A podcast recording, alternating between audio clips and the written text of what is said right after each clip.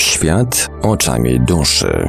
Audycja o świadomości na żywo. Zaprasza Sławomir Bączkowski.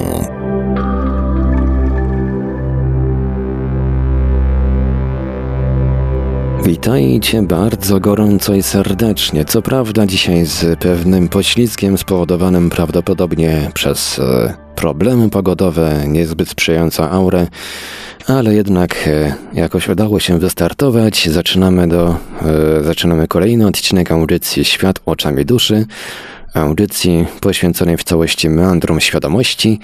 Przy mikrofonie i za starami technicznymi audycji, jak zawsze Marek Sękiewelios, a po drugiej stronie połączenia internetowego jest z nami, jak zawsze, gospodarz audycji, pan Sławek Bączkowski. Dobry wieczór, panie Sławku. Dobry wieczór, panie Marku, witam ponownie, już tym razem w dobrej słyszalności. E, witam was, kochani. Zanim przekażę głos panu Sławkowi, tradycyjnie podam kontakty do Radia Paranormalium. E, nasz numer telefonu, pod którym będziemy odbierać e, rozmowy i smsy to 530 620 493, 530 620 493. Linię telefoniczną będziemy od, od, otwierać tak gdzieś za pół godziny, może troszkę później, ale numer warto zapisać sobie już teraz 530 620 493. Jesteśmy także na e, Skype'ie radio.paranormalium.pl gadu gadu 36 08 8002 36 08 8002 Czekamy także na Państwa pytania, komentarze i różne inne wiadomości odnoszące się do naszej dzisiejszej audycji na, naszym, na naszych czatach e, na www.paranormalium.pl oraz na czacie towarzyszącym naszej transmisji na YouTube. Można nas także spotkać na Facebooku, na fanpage'ach Radia Paranormalium i Świat Oczami Duszy. E, na grupach Radia Paranormalium i czytelników Nieznanego Świata, a jeżeli ktoś woli, to może nam także wysłać pytania, komentarze i różne inne wiadomości związane z dzisiejszą audycją na nasz adres e-mail radiomałpa-paranormalium.pl Widzę, że tu już ktoś się zaczyna meldować na czacie. E, na YouTube zawitał Adam If. Adam Ewe. Nie wiem, jak ten nick odczytać, ale bardzo dziękujemy za to, że jesteś, za to, że nas słuchasz, no i za to, że się zameldowałeś. A teraz już z czystym sumieniem mogę oddać głos naszemu gospodarzowi, panu Sławkowi. Panie Sławku? Jestem, dziękuję panie Marku. E, witam naszego drugiego, e, pierwszego słuchacza, który się zameldował. Mam nadzieję, że jest was, kochani, więcej. E, witam was. Mm, i od czego zacznę? Zacznę od tego, czego nie dokończyliśmy w poprzedniej audycji, ale zrobię to po raz ostatni, ponieważ e, przyznam Wam się szczerze, że tyle negatywów, co po ostatniej audycji, e, tyle negatywów, co po ostatniej audycji, to chyba nie dostałem jeszcze w życiu. E, więc tak sobie myślę, no, że już nie będę na początku czytał, czytał komentarzy, bo być może ktoś e, sobie może pomyśleć, że to są moje, moje poglądy, zanim się dobrze wczyta w audycję. E, jeszcze jedna ważna rzecz. Mówiłem o, o, mówiłem o mojej rozmowie z hybrydą. Zostawiłem to tak w domyśle, nie ustosunkowując się do tego. W trakcie audycji, po audycji padło kilka mm, pytań, czy ja w to, czy ja w to wierzę. Bo ja oczywiście nie powiedziałem, czy ja w to wierzę, czy nie. Zrobiłem to celowo. Więc od razu teraz mówię, nie, kochani, ja nie jestem zwolennikiem no, teorii spiskowych, gmatwania tego wszystkiego, co jest stosunkowo proste i obwiniania e, wszystkich e, i wszystkiego za to, co się e, dzieje w naszym życiu, więc nie, absolutnie nie wierzę. Jedyna rzecz, która mi tam w jakiś sposób e, mogła pasować, to ten proporcjonalny podział którym to mm, usłyszałem i co wam przekazałem, że 22% to ludzie. Zresztą widziałem na Facebooku później, że kilka osób odchwyciło ten temat. I mój stosunek do tego jest taki, że jeżeli faktycznie miałbym ten procentowy mm, podział, chociaż nie lubię tego słowa, podział ludzi e, tutaj zastosować, to może bardziej na ludzi, którzy zaczynają budzić swoją świadomość i próbują świadomie wpływać, kierować swoim życiem, próbują budować swoją świadomość w poszukiwaniu jakiegoś głębszego sensu. istnienia i to faktycznie może być około 20% ludzkości. Natomiast faktycznie poza, po, po pozostałe 70% e, dalej mm, zostawia swoje życie mm, w rękach, w rękach strachu, w rękach lęku, w rękach podświadomości. To tak, e, żebyśmy tutaj już nie mieli, znaczy, żebyście wy nie mieli wątpliwości co do mojego stosunku do tego, to dzisiaj o tym wyraźnie i jasno jasno. Jeżeli, jeżeli, było, jeżeli wspominaliśmy o, o komentarzach, to tutaj zauważyłem, że jakieś 16 godzin temu strasznie się gąst rozpisał na naszym YouTubie. No tak. E, no, uwielbiam go, że tak powiem, za to. Natomiast e, jego komentarze są na tyle obfite, że Mm, że taka sytuacja, jaką mieliśmy w tydzień temu, czyli 4 tam godziny, 4 e, godziny z kawałeczkiem audycji, mogłoby się stać, stać standardem. Natomiast wiele trafności, wiele, wiele fajnych mm, przemyśleń tutaj od niego płynie, wiele też fajnych pytań, nad którymi warto się pochylić i między innymi też do pytań gosta i kolejora z poprzedniej audycji, mm, kiedy to my z Jubim udaliśmy się w taką e, już luźną dyskusję na tematy różne. E, już nie chciałem tej dyskusji e, przerywać, nie chciałem przyciągać audycji, dlatego obiecałem, że, że do tego wrócimy.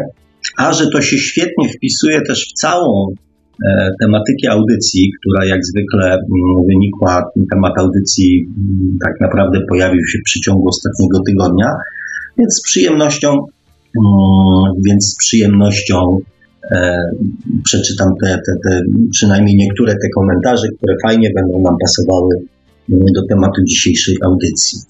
Na początku była taka prośba, czy tam sugestia, E, czy nie podjęlibyśmy te, tematu kronika kaszy i też, e, e, też za, za, za, za, trochę za sprawą Jubiego, mm, który poruszył temat kinu i kalendarza Majów, których tam się doczytał w mojej książce.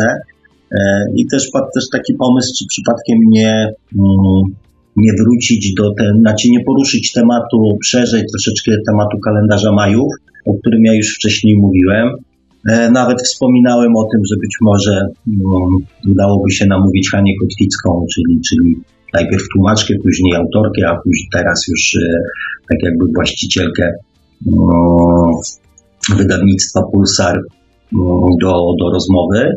Jest taka wstępna możliwość z tym, że ona prosiła, żeby ewentualnie dopiero po wakacjach natomiast znam też inne osoby, które dość, dość, dość dużo na ten temat wiedzą, więc jeżeli będzie takie zapotrzebowanie, to z chęcią, mm, to z chęcią opowiem o tym, bo tak jak pisałem w swojej książce, tak jak e, mówię to mm, Wam, tak jak przekazuję te informacje czytelnikom swojej książki, że uważam, że kalendarz Majów jest bardzo, ale to bardzo fajnym narzędziem, które mm, to nie jest horoskop, tak żebyśmy mieli jasność. To nie jest żaden horoskop, to jest narzędzie do poznania siebie. E, I tylko w tych kategoriach e, proszę mm, rozpatrujcie. To nie jest horoskop na przyszłość, to nie jest starot, to jest po prostu opisanie pewnych mechanizmów, które, mm, którymi, który, w, który, w które jesteśmy, że tak powiem, wplątani i też możliwość poznania samego siebie. Wymaga no, cierpliwości na pewno, e, trochę materiałów, trochę wiedzy, więc e, tym, którzy będą chcieli zagłębić się bardziej w siebie, poznać samego siebie, mm, z chęcią coś więcej, coś więcej opowiem. Ale to mówię, to gdzieś tam w następnych, e, w następnych, w następnych audycjach. Tutaj informacja dla Ghosta, który się pochwalił, zresztą pan Marek tutaj mówił o swoim kinie, Jugi mówił o swoim kinie, ja wspomniałem o swoim, e, tu następną osobą, która się też e, jakby w międzyczasie widzę mm, swoim kinem narodzenia mm, zainteresowała, czyli Ghost e, napisał, o jestem niebieskim samoistnym orłem. Mi jako osoby, która już troszeczkę wie na temat kalendarza Majów, to jakby sporo też wyjaśnia na temat, e, na temat Twojej osobowości. O, powiem tak.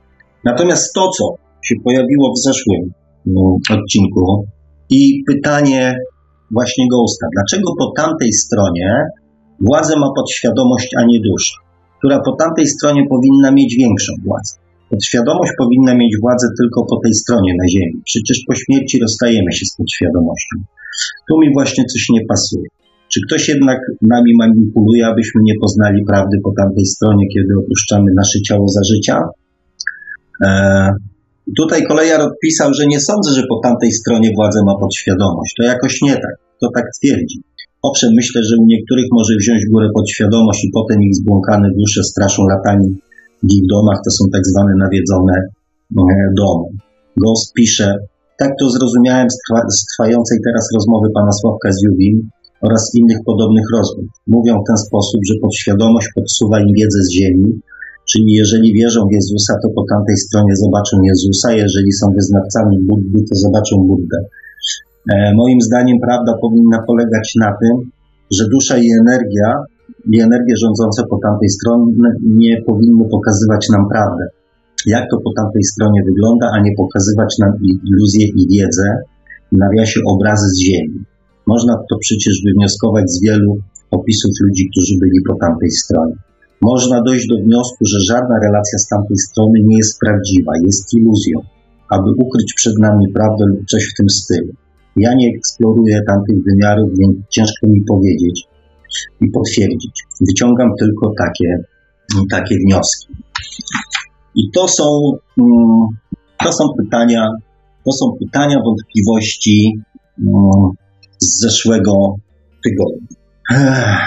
Powiem Wam, że narobiłem sobie znowu kartek i będę próbował to jakoś logicznie, w jakąś w miarę logiczną całość połączyć. Kochani, po pierwsze, do tego tematu odnosiłem się już w jednej z naszych audycji i wyjaśnię, i wyjaśnię. Tylko mam y, takie pytanie.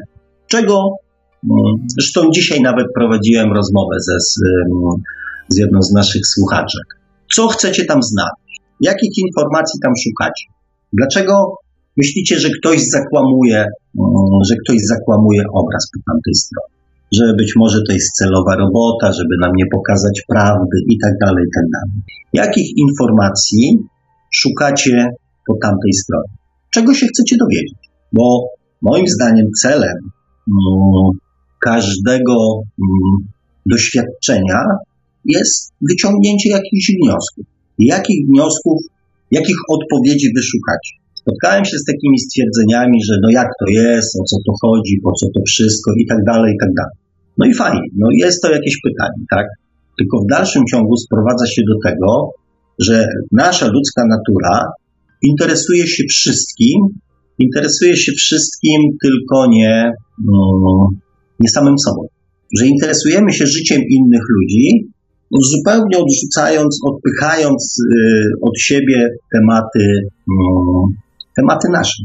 Zwróćcie uwagę, jak wyglądają, e, jak wyglądają rozmowy między ludźmi. Zwróćcie uwagę, czym ludzie w swoich rozmowach, e, czemu ludzie w swoich rozmowach poświęcają czas. Patrząc to z punktu widzenia, że tak powiem, e, rozwoju świadomości, różnych poziomów rozwoju duszy, rozwoju świadomości. Dusze dziecięce rozmawiają po wszystkich naokoło.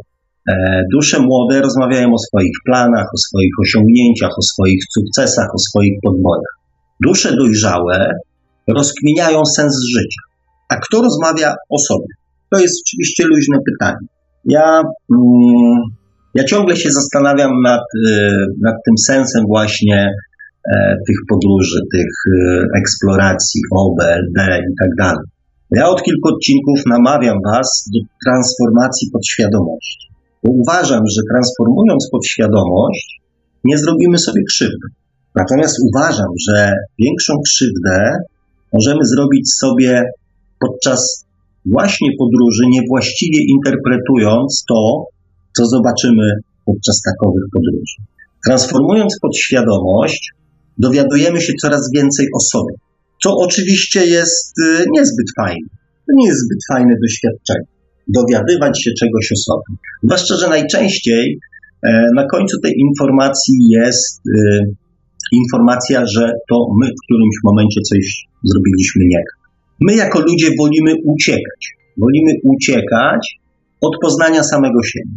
I dlatego na przykład, nie wiem, często zmieniamy otoczenie, bo nas na przykład nie lubią w pracy, bo, no nie wiem, bo nie mamy znajomych, e, albo nas wykorzystują na przykład, bo się nie dogadujemy. Zmieniamy partnerów, bo się nie możemy dogadać. A ja to, hmm, nie wiem, czy już Wam mówiłem, bo na pewno podczas moich y, ostatnich rozmów ten e, przykład się pojawił. To jest trochę tak, jakby zmienić samochód, którym się spowodował wypadek. Nie kupię sobie już, nie wiem, Opla, nie kupię sobie Mercedesa, bo, bo miałem e, nim wypadek, tak? Kupię sobie inny samochód. Tak jakby mm, zapominając o tym, że to nie samochód spowodował wypadek. I w następnym samochodzie, jeżeli nie zmienimy techniki jazdy, swojego podejścia, to znowu będziemy mieli wypadek. I dlatego nie zmieniając samego siebie, zmieniając okoliczności, wpadamy z powrotem w tą samą pułapkę. Wpadamy z powrotem w te same kłopoty, w te same sytuacje. Bo to, co powinno się zmienić na skutek tych informacji, zostaje niezmienione. A wszystkie te swoje lęki, wszystkie swoje ograniczenia, wszystkie blokady, zabieramy zawsze ze sobą. Zabieramy do następnego samochodu, zabieramy do następnego związku, e, zabieramy mm, do następnej pracy, zabieramy do następnego otoczenia. Te informacje, te wypadki, te kolizje, te stłuczki w naszym życiu są dla nas informacją, że robimy coś źle. Źle w sensie źle dla nas, bo przynosi to nam negatywne jakieś e, negatywne skutki. I nie wiem, jak słyszę czasami, nawet nie czasami, często słyszę, że mm, ktoś mnie wykorzystuje, że moją, że tak powiem, ja się tam boję ludzi, bo się boję wchodzić w jakieś tam relacje, bo ciągle mnie ktoś, ktoś wykorzystuje. Miałem to samo. Miałem dokładnie to samo. I wtedy zastanawiałem się, jaki błąd popełniam, skoro sytuacje się powtarzają. Ja zadawałem sobie to pytanie 25 lat temu. Jaki ja błąd popełniam, skoro ciągle jestem wykorzystywany? No bo jeżeli jestem łatwowierny, naiwny e, i myślę o innych, że myślą tak samo jak ja, to zawsze znajdzie się ktoś, kto to wykorzysta. Mało tego, jak już doszedłem do tego, że taka jest przyczyna, to myślicie, że tak łatwo było to zmienić? Bo co leży u podstaw takiego zachowania?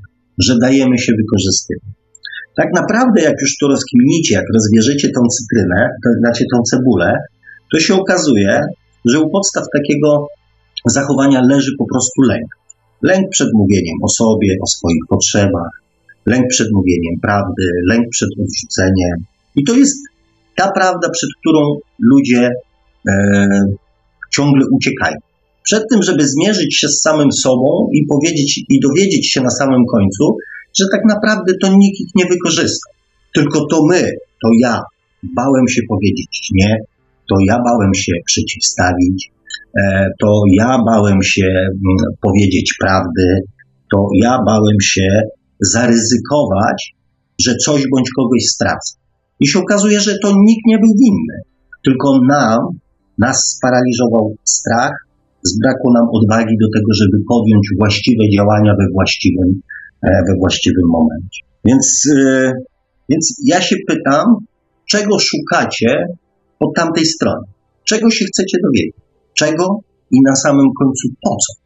Dzisiaj podczas rozmowy też usłyszałem na przykład e, Chociaż nie, dobra, spróbuję do tego wrócić.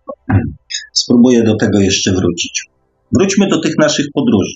Wróćmy do tych naszych podróży, do tych dylematów Ghosta e, i do tych e, wcześniejszych dylematów. Ja już mówiłem o tym, ja już mówiłem o tym, że świat duszy, świat ducha, świat energii jest światem odczuć, odczuć, nie obrazu. Obrazy są domeną wzroku, a wzrok jest głównym narzędziem, głównym źródłem dostarczania informacji naszej podświadomości. Więc spróbujcie to wziąć na logikę. Co się dzieje, jeżeli nasza podświadomość widzi obraz? Co się dzieje, jeżeli nasza podświadomość widzi obraz? Natychmiast na nią reaguje. I czy jest to obraz rzeczywisty, czy jest to obraz pochodzący ze wzroku, takiego prawdziwego, Czy jest to obraz, e, który my sobie gdzieś tam w jakiś sposób dojrzeliśmy, to i tak, czy nawet wymyśliliśmy, wywizualizowaliśmy, wymarzyliśmy, to i tak um, dotrzą do naszej świadomości, znaczy do naszej podświadomości. I taże podświadomość, o której mówiłem, że ona zawsze rządzi na Ziemi, taże podświadomość podsunie do tego jakąś adekwatną i znaną sobie i właściwą według niej e, reakcję. Dlatego, dlatego to, co napisał Ghost, może się wydarzyć tak, że wyznawcy Jezusa, szukając we wszechświecie i w zaświatach i w, w, w swoich podróżach Boga, zobaczą gościa z długą brodą. Ponieważ taki wizerunek Boga e, mają zapisany w swojej podświadomości.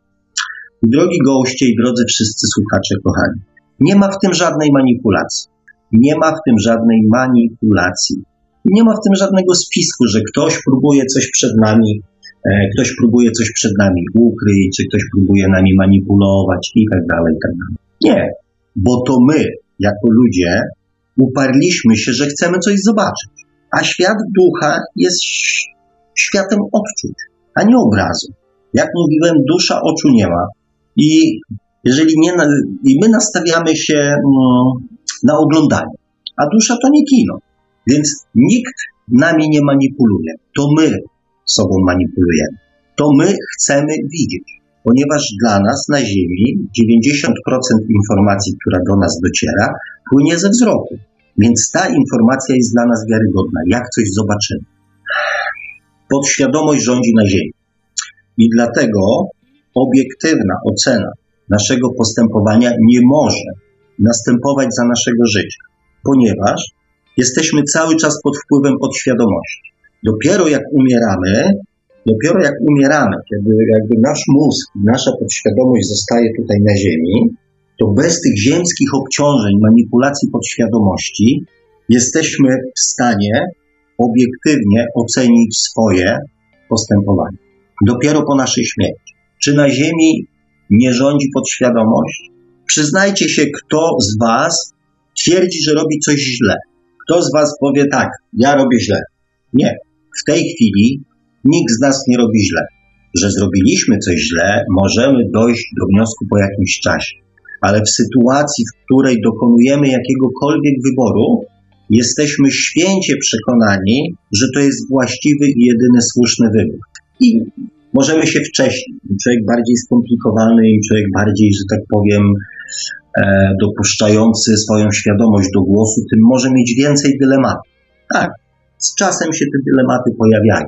Znaczy, ja nie nazywam ich może dylematami, Natomiast no, są rozterki, jest zastanawianie się, czy aby ta decyzja na pewno jest słuszna.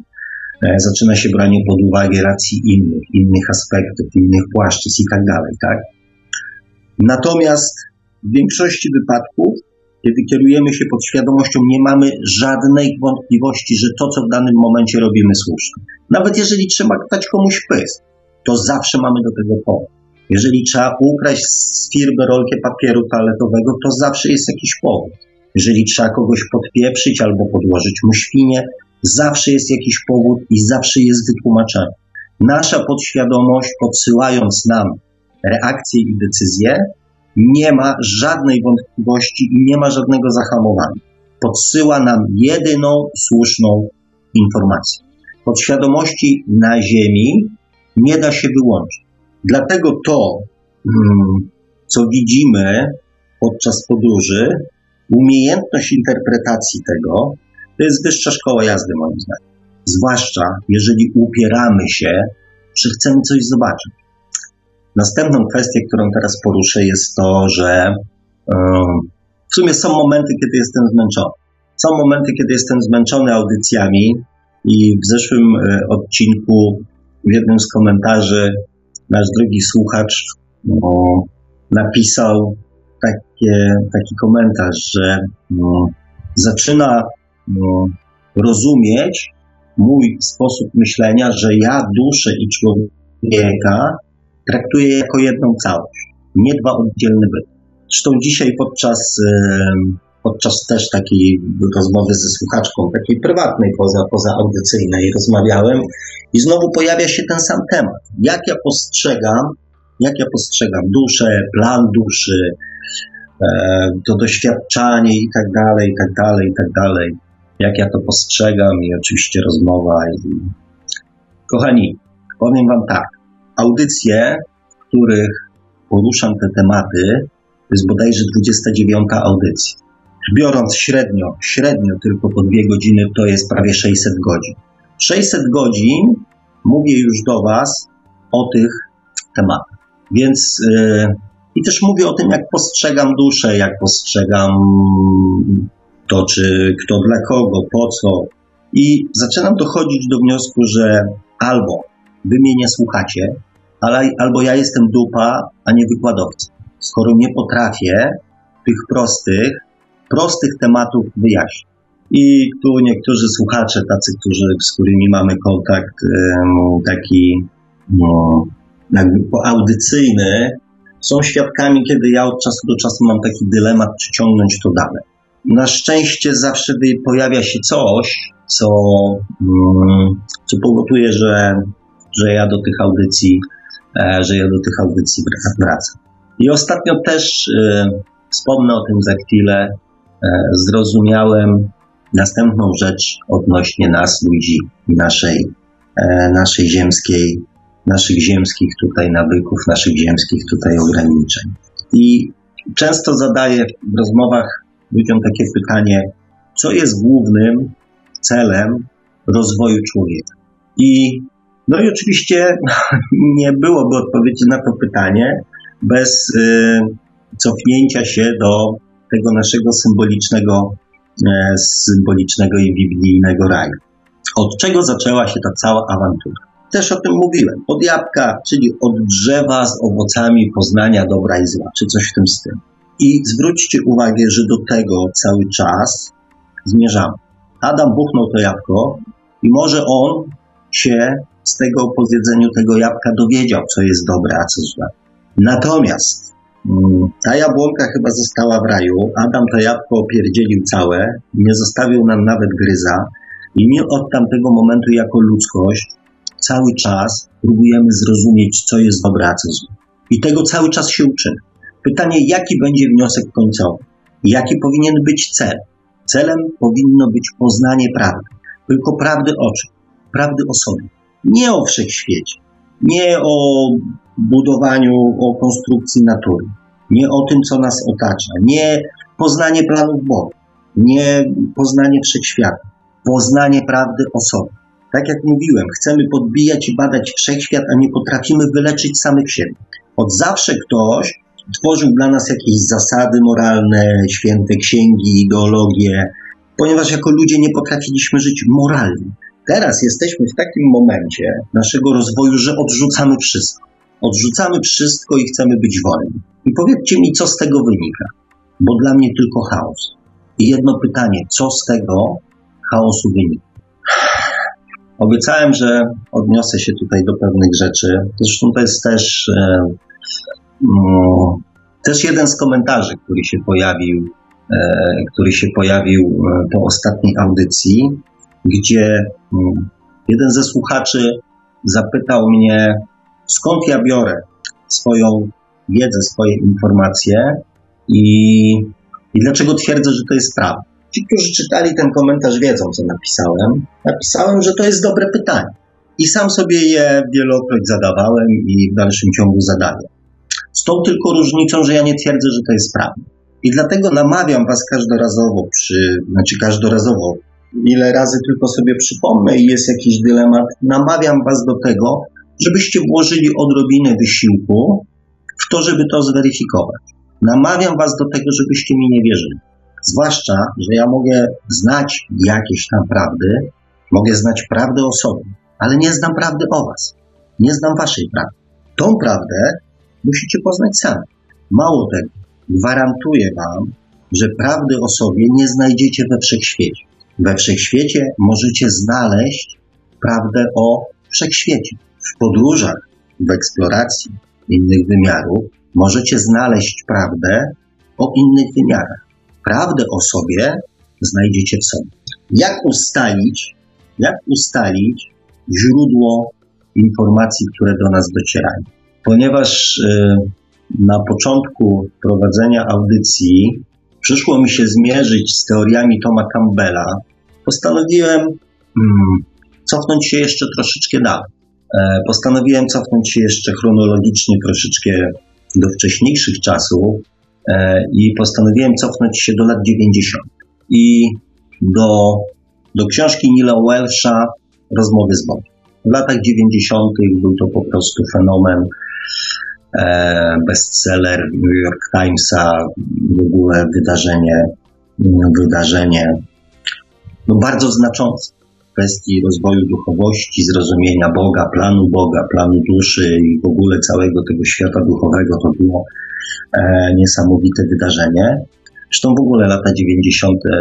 w Stanach były bardzo, bardzo obfite, między innymi też e, bodajże w 95 e, pierwsza książka mówiąca o powiązaniu, znaczy pierwsza głośna książka, nie znam, być może wcześniej coś tam się działo, mówiąca o powiązaniu naszych emocji z naszym stanem zdrowotnym, czyli Louisa L. Hall, możesz uzdrowić swoje życie.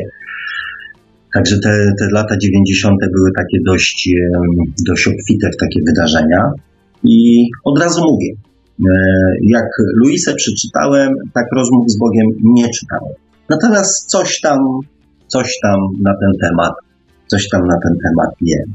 Dla tych, którzy nie wiedzą o co chodzi, nie czytali tej książki, nie spotkali się z tym tematem, jest to książka, mm, która została napisana przez e, autora na zasadzie tak zwanego pisma automatycznego, czyli, czyli jego myśli, które według niego pochodziły od Boga, a które on po prostu tylko zapisywał.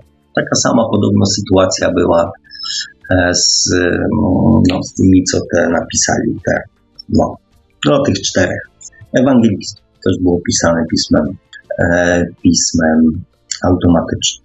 I po co ten temat poruszam? To znaczy, tamtych czterech nie sprawdzę, natomiast e, Neil Walsh jeszcze żyje, więc e, jakby działa, e, funkcjonuje, więc można bezpośrednio jemu zadać to, zadać to pytanie. Po co o tym mówię? Ponieważ jest tutaj przykład tego, jak Bóg, Stwórca, źródło, dusza, komunikuje się z nami. Za pomocą czego? Za pomocą subtelnych odczuć i myśli, nie obrazu. E, w, oczywiście nie będę przytaczał wszystkich, że tak powiem, znaczy wszystkich nie, bo tam chyba jest trzy czy cztery tomy tej książki w ogóle jakaś jest tego sporo, więc jeżeli ktoś jest, że tak powiem, zainteresowany, bądź coś mu nie będzie pasowało, bądź będzie chciał się dowiedzieć, proszę, jest to ogólnie dostępne, więc, więc po prostu sobie można kupić i, i, i poczytać, tak?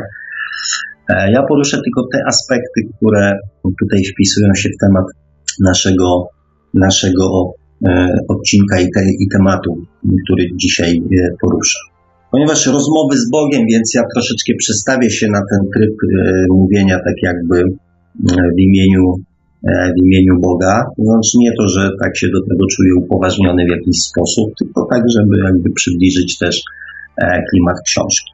Jedno e, z takich stwierdzeń, które się pojawia, to jest takie Bóg powiedział, mówię do was głosem każdego z was. Mówię do Was Waszym głosem, a Wy w ogóle mnie nie, nie rozumiecie. Oczywiście wyjaśnię, jak ja to rozumiem. Bóg, nasza dusza, przemawia do nas naszym wewnętrznym głosem. W ten sposób Bóg i dusza się z nami komunikują. Więc jeżeli chcecie się czegoś dowiedzieć o sobie, bądź chcecie usłyszeć jakąś informację od własnej duszy, to wsłuchajcie się w samych siebie. Czemu szukacie kolejnych pośredników? Jest w tej chwili odrzucanie wszelkich kapłanów, księży, tak? Ale co pojawia się w ich miejsce? W świecie duchowym szukamy swoich przewodników, szukamy dusz odpowiedzialnych za nasz plan. Na ziemi szukamy guru, mistrzów i całą masę ludzi, którzy mają coś wiedzieć o nas. A oni wszyscy, tak samo jak ja, wiem tylko o sobie. Nie wiem nic o was. Znam zasady, ale nic o was nie wiem. A nawet Bóg mówi do nas naszym własnym głosem, a nie głosem innych ludzi. Kolejny mm, taki fragment, który zwrócił moją uwagę, chociaż w zasadzie powinien się pojawić na samym końcu tej mojej wypowiedzi, bo nie wiem, czy znacie historię Tamila Welsha, jak, e, jak on tam, nie wiem, był bezdomnym, jak był bez pracy, jak tam po śmietnikach grzebał i tak dalej, i tak dalej. E, I właśnie słyszał głos, czy już masz dość? Czy już masz dość? Ja to pytanie zadaję od wielu, wielu lat ludziom, zresztą również sobie, z którymi rozmawiam, którzy narzekają na swoje, narzekają, bądź opowiadają, e, bądź szukają jakichś tam, nie wiem, zmian, może chcieliby coś w życiu zmienić. I mm, ja zadaję pytanie, czy już masz dość? Czy nadal chcesz testować i sprawdzać granice swojej wytrzymałości, czy już masz dość? Bo następny cytat z książki to jest mm, to pytanie, które też wiele odpowiedzi na to pytanie wiele osób szuka podczas swoich podróży. Czego dusza, czego Bóg ode mnie chce? I pada odpowiedź, że Bóg chce od nas dokładnie tego samego, czego my chcemy od samych siebie. Ni mniej, ni więcej. Czyli wspiera wszystko to, czego my pragniemy i do czego my dążymy. Nic więcej od nas nie chce. Wniosek z tego jest taki, że to my, jako ludzie, upieramy się przy tym, że chcemy żyć w lęku, że chcemy żyć w strachu. To nie jest pomysł Boga. To nie jest pomysł naszej duszy. To my, jako ludzie, każdy z nas wybudował sobie swojego własnego, swoją własną fabrykę strachu, swoją własną fabrykę lęku. I kolejną taką też dla mnie z punktu widzenia tego, o czym mówię do Was, informacją uzyskaną przez autora od, jak twierdzi, od Boga, jest to, że wszystkie informacje, że wszystkie informacje, które do nas docierają, pochodzą z dwóch źródeł: z lęku i z miłości. I ten nasz tak zwany Matrix to jest właśnie ten świat lęku, świat ograniczeń, świat e, Mm, świat, który sami dla siebie wybudowaliśmy i też świat, który ludzie non-stop od wielu tysięcy lat budują sobie nawzajem. Świat, w którym musimy się przekonać, do czego te lęki nas doprowadzą. I w końcu, w którymś momencie, kiedy już będziemy mieli dość, się z nimi zmierzyć. Zobaczcie, jaki jest paradoks. Paradoks ludzkiej logiki. Prowadzimy często niezbyt fajne życie. Niezbyt fajne życie, na które narzekamy, które nam się może nie do końca podoba, w którym chcielibyśmy e, może coś delikatnie bądź mniej delikatnie coś zmienić. Jeżeli coś w tym życiu się zesa, zawali, to co robimy? Jeżeli jesteśmy osobami wierzącymi, to prosimy Boga o to, żeby nam przywrócił nasze poprzednie życie. Jeżeli jesteśmy osobami mm, rozumnymi, to robimy wszystko, żeby to poprzednie życie odzyskać. Może niekoniecznie na przykład zawsze z tą samą osobą, ale jednak mimo wszystko, żeby to życie, o którym marzymy, było jednak podobne do tego, które nam się właśnie niedawno wywaliło. Czyli mieliśmy wypadek w życiu i zamiast uświadomić sobie, że to my ten wypadek spowodowaliśmy i coś zmienić, zrozumieć powody tego wypadku, to dalej z uporem maniaka będziemy sobie kupowali następny samochód i próbowali nim jechać w ten sam sposób, e, w który jechaliśmy do tej pory. Nie wiedząc zupełnie czemu, nie wiedząc zupełnie czemu, liczymy, że tym razem obędzie się bez wypadku. Tu już nawet ludzka logika tego nie ogarnia. Więc czym się kierujemy? Straciliśmy nędzne życie, Jesteśmy w sytuacji, w której moglibyśmy zacząć coś od nowa po nowemu, a robimy wszystko, żeby przywrócić schemat z tego życia, które jeszcze niedawno tak bardzo nam się nie podobało. Ja w tym, ja w tym, że tak powiem, większej logiki nie widzę. Więc jeżeli nie widzę w tym logiki, to znaczy, że mm, coś nas do tego pcha, coś, nad czym nie mamy kontroli, coś, z czego sobie nie zdajemy tak do końca sprawy. No i oczywiście odpowiedź jest jedna, tym czymś jest nasza podświadomość, bo czasami coś w naszym życiu się zawala, coś, co nam się nie podobało, coś, co płynęło z lęku, coś, co płynęło, mm, coś, co płynęło z lęku, nie płynęło z miłości, nawet chociażby do samego siebie. Tracimy to, by móc na to miejsce mm, bez ryzyka, że coś stracimy, bo już w zasadzie nie mamy nic, wybudować coś nowego. Rzadko kiedy tą szansę wykorzystujemy na zbudowanie czegoś nowego. Kiepskie, gówniane, może nie za dobre, nie idealne, ale jednak znane. I kurczowo trzymamy się tego, co w naszym życiu jest znane. Znane dla naszej podświadomości, znane dla, um, dla naszych reakcji. Boimy się zmian, uciekamy przed zmianą. Dlatego też uciekamy przed poznaniem samego siebie. Kochani, bo później zaczęliśmy, ale też patrzę, że jest, że się też troszeczkę rozgadałem. Jakie są z tego wnioski? Oczywiście książkę przytoczyłem jako, jako, jako przykład i zaraz powiem Wam, dlaczego właśnie taki przykład. Pierwszy bardzo smutny. Wniosek jest taki, że to niespełna 30 lat temu e, ludzie dostali prosty przekaz. Bóg, nasza dusza, mówi do nas naszym własnym głosem, nie głosem innych ludzi. Prawdy szukajcie w samym sobie, nie we wszechświecie. Nie próbujcie zrozumieć Boga, bo On nic od nas nie chce. Nic więcej niż to, czego my chcemy od samych siebie. Jeżeli są jakieś problemy w naszym życiu, to znaczy, że te problemy wynikają z nas. I kolejny prosty przekaz. Są dwa źródła informacji: miłość i lęk. Miłość pochodzi od Boga, miłość pochodzi ze źródła, miłość pochodzi od duszy.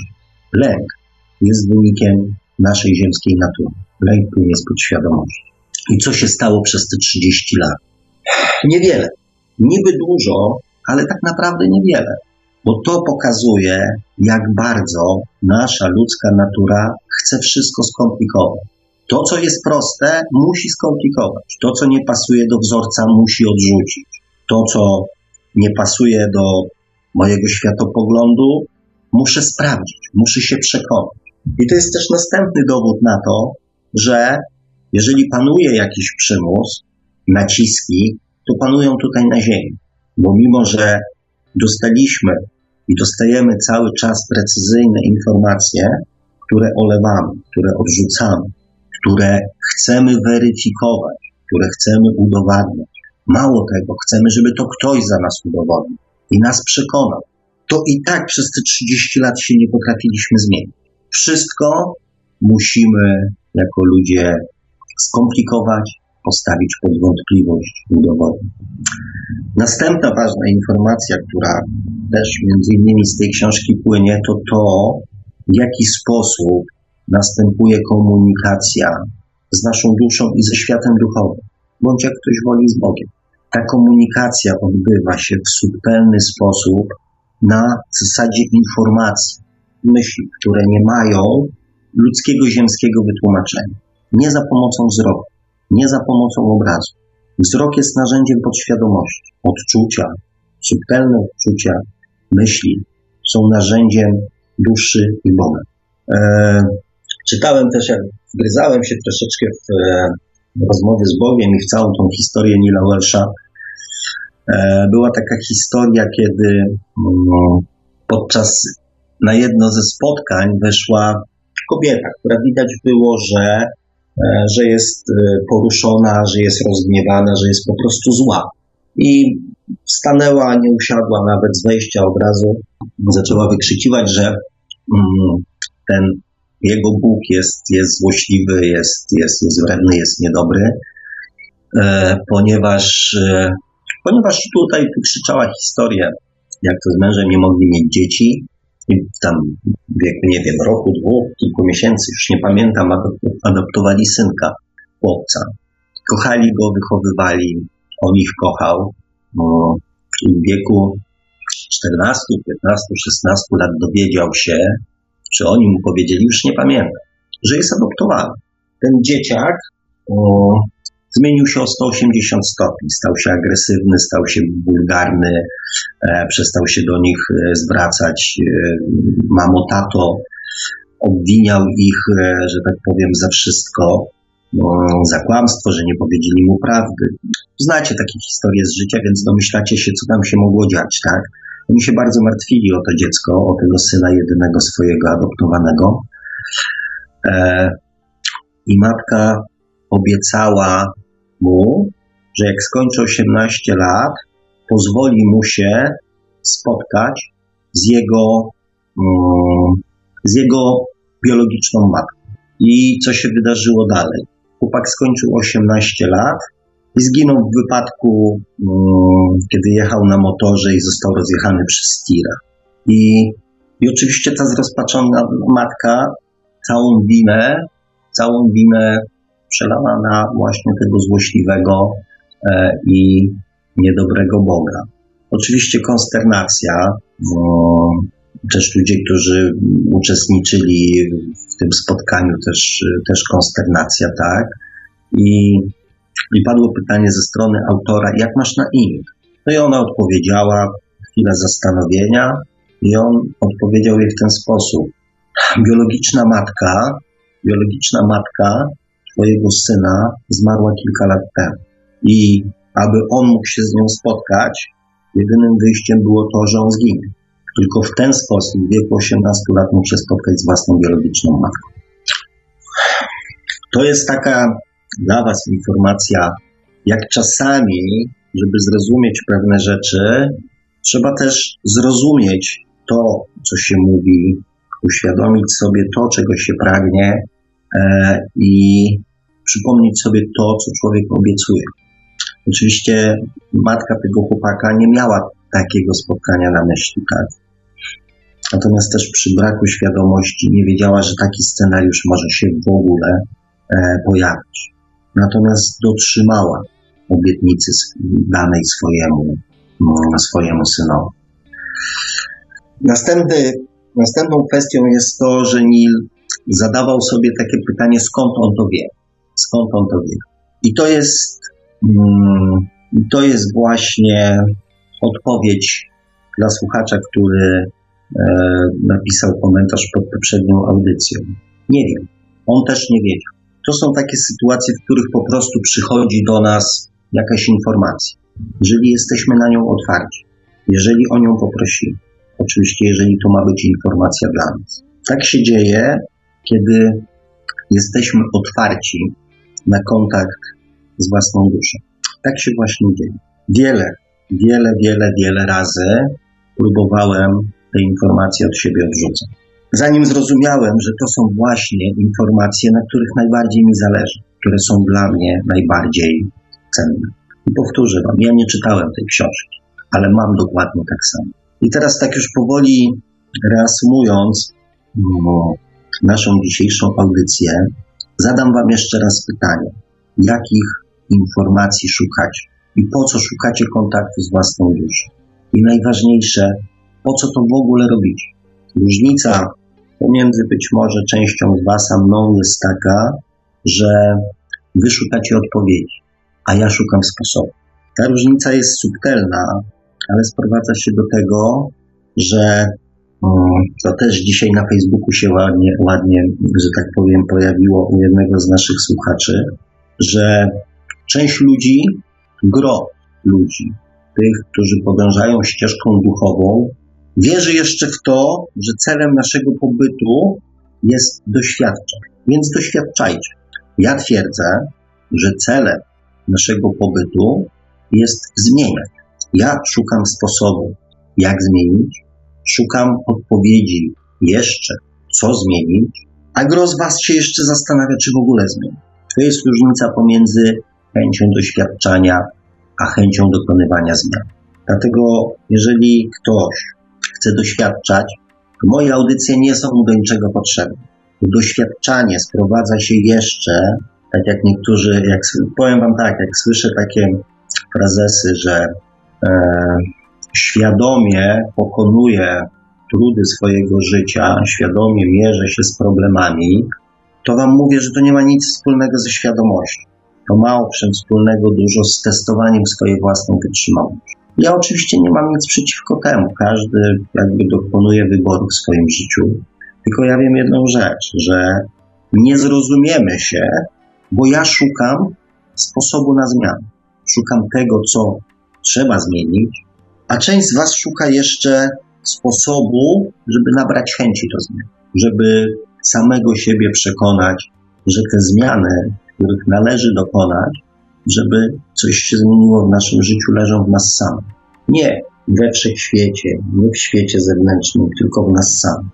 A Bóg oprócz tego, że chce dla nas dokładnie tego samego, co my chcemy dla siebie, to jeszcze do tego wszystkiego chce, żebyśmy byli szczęśliwi. I ja tej drogi i sposobu szukam. Miałem tutaj jeszcze um, jedną taką informację, e, jeszcze taką jedną informację, ale w zasadzie dobra. Były dzisiaj perypetie, e, były dzisiaj perypetie um, na starcie, więc, e, więc zakładam, że to też była jakaś informacja dla mnie, że może, mm, że może jeszcze, jeszcze mm, tego tematu może nie poruszę. Natomiast kochani, ja prowadzę tę audycję, bo lubię, bo lubię, ale lubię również inne rzeczy. Lubię pracę w ogrodzie, lubię odpoczynek, lubię spotkania ze znajomymi. To nie jest jedyna rzecz, którą lubię. I mm, proszę Was, nie idźcie na łatwiznę. Na zasadzie przyszło mi coś do głowy, e, to zamiast e, poświęcić odrobinę trudu, włożyć swój jakiś wkład w swoją własną przemianę, e, to, to często walicie do mnie z jakimiś sprawami, o których ja w ciągu tych ostatnich 600 godzin naszych audycji przynajmniej kilka razy mówię. Jeżeli nie, nie chcecie grzebać w dwu czy trzy godzinnych audycjach, okay, rozumiem. Trudno jest wychwycić ten moment, nie zawsze jest czas. Są moje filmiki na YouTube. Tam są to 6, 8, 15, 10 minutowe filmiki, w których dokładnie mówię, w skrócie poruszam poszczególne wątki. Proszę bardzo, zajrzyjcie. 5 czy 10 minut to nie jest 3 godziny, tak? Kochani, szanujmy się nawzajem, bo ja z niczyją podświadomością walczyć nie mam ochoty i nie mam ochoty się z nikim boksować. Jeżeli mi nie wierzycie, usiądźcie, zastanówcie się, przemyślcie, nie ma naprawdę żadnego przymusu, ale włóżcie wasz własny rozwój odrobinę własnych, e, własnego zaangażowania, a nie czekajcie na to, że ja za was to zrobię. I nie myślcie, że słuchaniem audycji dokonacie jakichś gwałtownych, spektakularnych zmian w swoim życiu. Moje audycje są tylko podpowiedzią, jak można pewne rzeczy zrobić. Natomiast zrobić to jeżeli chcecie cokolwiek w swoim życiu zmienić, musicie sami. Żadna podróż, żaden guru, żaden ksiądz, żadna audycja i żadna książka was nie zmieni, jeżeli nie włożycie w to chociaż odrobinę swojego za zaangażowania, a przede wszystkim swojej własnej świadomości, chęci, e, żeby coś i zrozumienia, że to my, że to my mamy się zmieni. No dobrze, takim może trochę mało, mało optymistycznym akcentem, ale, ale naprawdę mm, czasami, czasami naprawdę jestem, e, jestem zmęczony, wałkując e, e, po raz 70, po raz 70 ten sam, ten sam temat, tylko po to, żeby za chwilę usłyszeć, nie wiem, czyjąś tam teorię. No. Dobra, już, bo zacząłem smędzić. Jak tam, panie, e, panie Marku, sytuacja? Jak Może tam, panie Sęk, sytuacja wygląda na froncie? Na no właśnie, a propos konta też miałem poruszyć ten temat, ale może jeszcze nie dzisiaj. Eee, może ktoś by chciał zadzwonić. No, na pewno, na... na pewno się tutaj rozpisali słuchacze. Tutaj widzę na czacie, że ostra dyskusja z jednym ze słuchaczy E, na różne tematy około świadomościowe się rozwinęła. Ale ja tę dyskusję panu przesłałem na Messengerze, może pan zobaczy, może pan też coś odpowie. No tutaj widzę, że nawet Jubi, słuchacz Jubiego wprowadził w podwyższony stan irytacji. O ile Jubiego da się wkurzyć. Grubo, grubo. Także e, Pan może będzie odpalał Messengera, a ja w tym czasie przypomnę kontakty do Radia Paranormalium, bo może rzeczywiście ktoś zechce zadzwonić, e, wejść na antenę, wdać się w dyskusję. Nasz numer telefonu, pod którym odbieramy połączenia, właśnie tutaj, właśnie teraz, to 530 620 493, 530 620 493. Piszemy, odbieramy także SMS-y oczywiście nie piszemy sami do siebie SMS-ów, ale odbieramy. 530 620 493. Jesteśmy także na Skype'ie radio.paranormalium.pl można także do nas pisać na gado pod numerem 36 08 8002 36 08 8002 Jesteśmy także na czatach Radia Paranormalium na www.paranormalium.pl oraz na wyjątkowo gorącym dzisiaj czacie na YouTube. Można także nas spotkać oczywiście na Facebooku, na kontach Radia Paranormalium i audycji Świat oczami duszy, na grupach Radia Paranormalium i czytelników Nieznanego Świata, a jeżeli ktoś woli, to może nam także wysyłać wiadomości na nasz adres e-mail radiomałpa-paranormalium.pl e, Panie Marku, słychać mnie? Słychać, słychać. No dobrze, bo się przełączyłem na duży monitor po ostatnich, że tak powiem, ekscesach po ostatnich ekscesach stwierdziłem, że nie będę już ryzykował. Dobra, już chyba wyłapałem nika naszego słuchacza, ale końca nie widać. No i właśnie tak czytam tę dyskusję i czytam i yy, nabieram wątpliwości, czy słuchacz rzeczywiście chce coś tutaj dodać, czy może przyszedł sobie kogoś powkurzać. Ale to już może pan rozsądzi. No, ja myślę, że zanim ja doczytam się do tego, e, e, zacząłem o 8.16, 20.16, więc zanim ja się doczytam, to myślę, że słuchacze sami już dojdą e, do wniosku, o co naszemu rozmówcy chodzi. E, dobrze, Edmund. E, ostatnio gadał Pan, chyba ostatnio, że dusza jest nami, dając taki argument derka czy coś tam ale to nieważne. Może być oko czy cokolwiek. Czy ta nerka nie jest czymś oddzielnym, mm, tylko częścią e, mnie, że nerka nie jest oddzielna od człowieka i niby my, czyli dusza analogicznie, tak samo nie jesteśmy oddzieleni od ciała. E, wniosek, jesteśmy duszą. A to błędny wniosek. Może i nerka nie jest oddzielona ale, człowieka, ale to nie znaczy, że nerka e, jest człowiekiem tak jak człowiek duszą.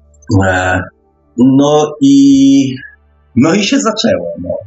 E, z, mój drogi Ed, Edmundzie, e, ponieważ to, co powiedziałem, powiedziałem teraz o godzinie 21.30, dlatego jeszcze odpowiem na to, na to Twoje mm, pytanie. Ale jeżeli te pytania będą się pojawiały w dalszym ciągu, to będę Was, kochani, odsyłał do po prostu do kolejnych, y, do kolejnych, y, do poprzednich audycji, do, do, do jakichś tam moich filmów, tak.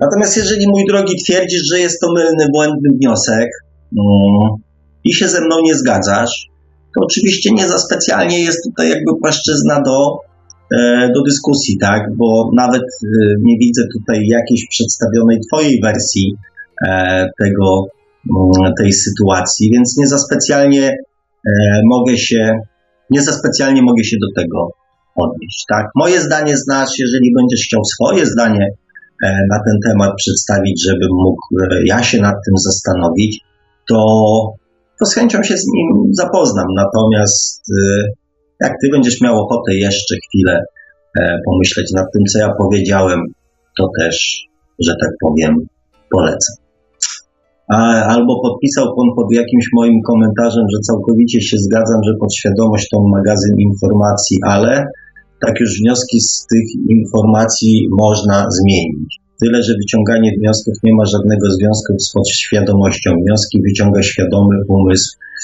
E, niepodświadomość. No, nie widzę tutaj żadnej sprzeczności, tak? Bo tak już wnioski z tych informacji można zmienić, to ja nie napisałem, że to podświadomość ma je zmienić, e, tylko po prostu, że można je zmienić, nie, nie, nie opisując techniki, tak? Opisując efekt końcowy. Więc jeżeli, mój drogi, zamierzasz się e, jakby bawić słówkami, no to faktycznie można, tak? Natomiast ja polecam czytanie ze zrozumieniem i doszukiwanie się bardziej mm, merytorycznej zawartości, e, która jest w informacji, niż, niż, no ale każdy jakby czyta jak lubi, tak? Wnioski wyciąga świadomy umysł. No to też możemy się tutaj zastanawiać, co to jest świadomy umysł, tak? Nie podświadomość. Nie widzę w tym sensu. Prawda jest, ona nie powinna wyglądać jak to komuś e, pasuje. Tu też bym polecał trochę znaków interpunkcyjnych, ponieważ, e, ponieważ nie wiem, jak to czytać. Prawda jest. E, a skąd taki wniosek? Zresztą coś mi się znowu przewinęło. Mm, jak to komuś pasuje. Znaczy, jest kilka prawd. Każdy z nas ma swoją. E, pytanie jest, skąd te nasze przekonania pochodzą, tak?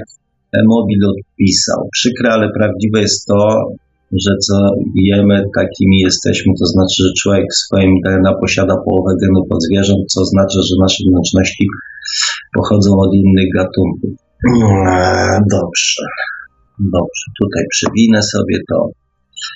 Eee, Hitler uwielbiał kiełbasy, Wszyscy żyją czyimś życiem, tylko nie swoim. Po trzech tygodniach pobytu w Polsce doszedłem do jednego wniosku. Nie ma z kim rozmawiać o rzeczach ważnych. E, o, i to jest komentarz, e, i to jest komentarz e, Jubiego.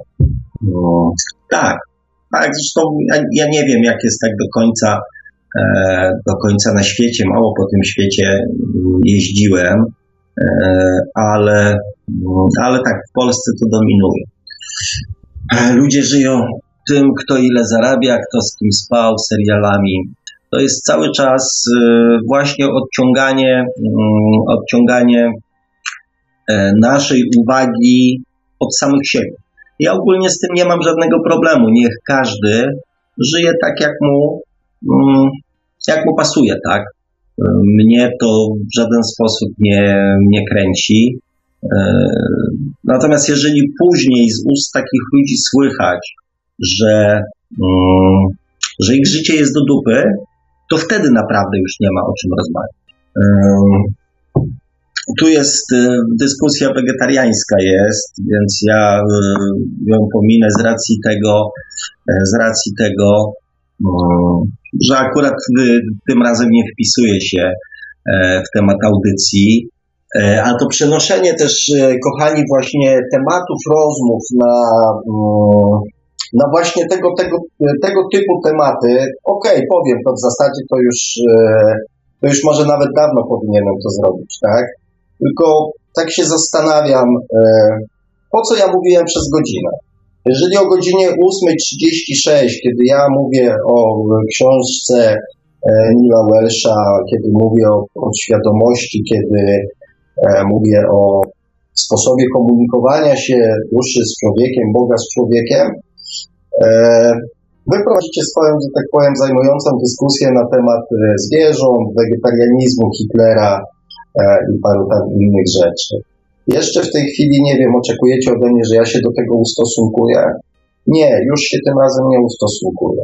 Jeżeli mm, no dobra, dobrne do końca komentarzy i najwyżej e, powiem, być może to powiem, czego, e, czego może nie chciałem powiedzieć.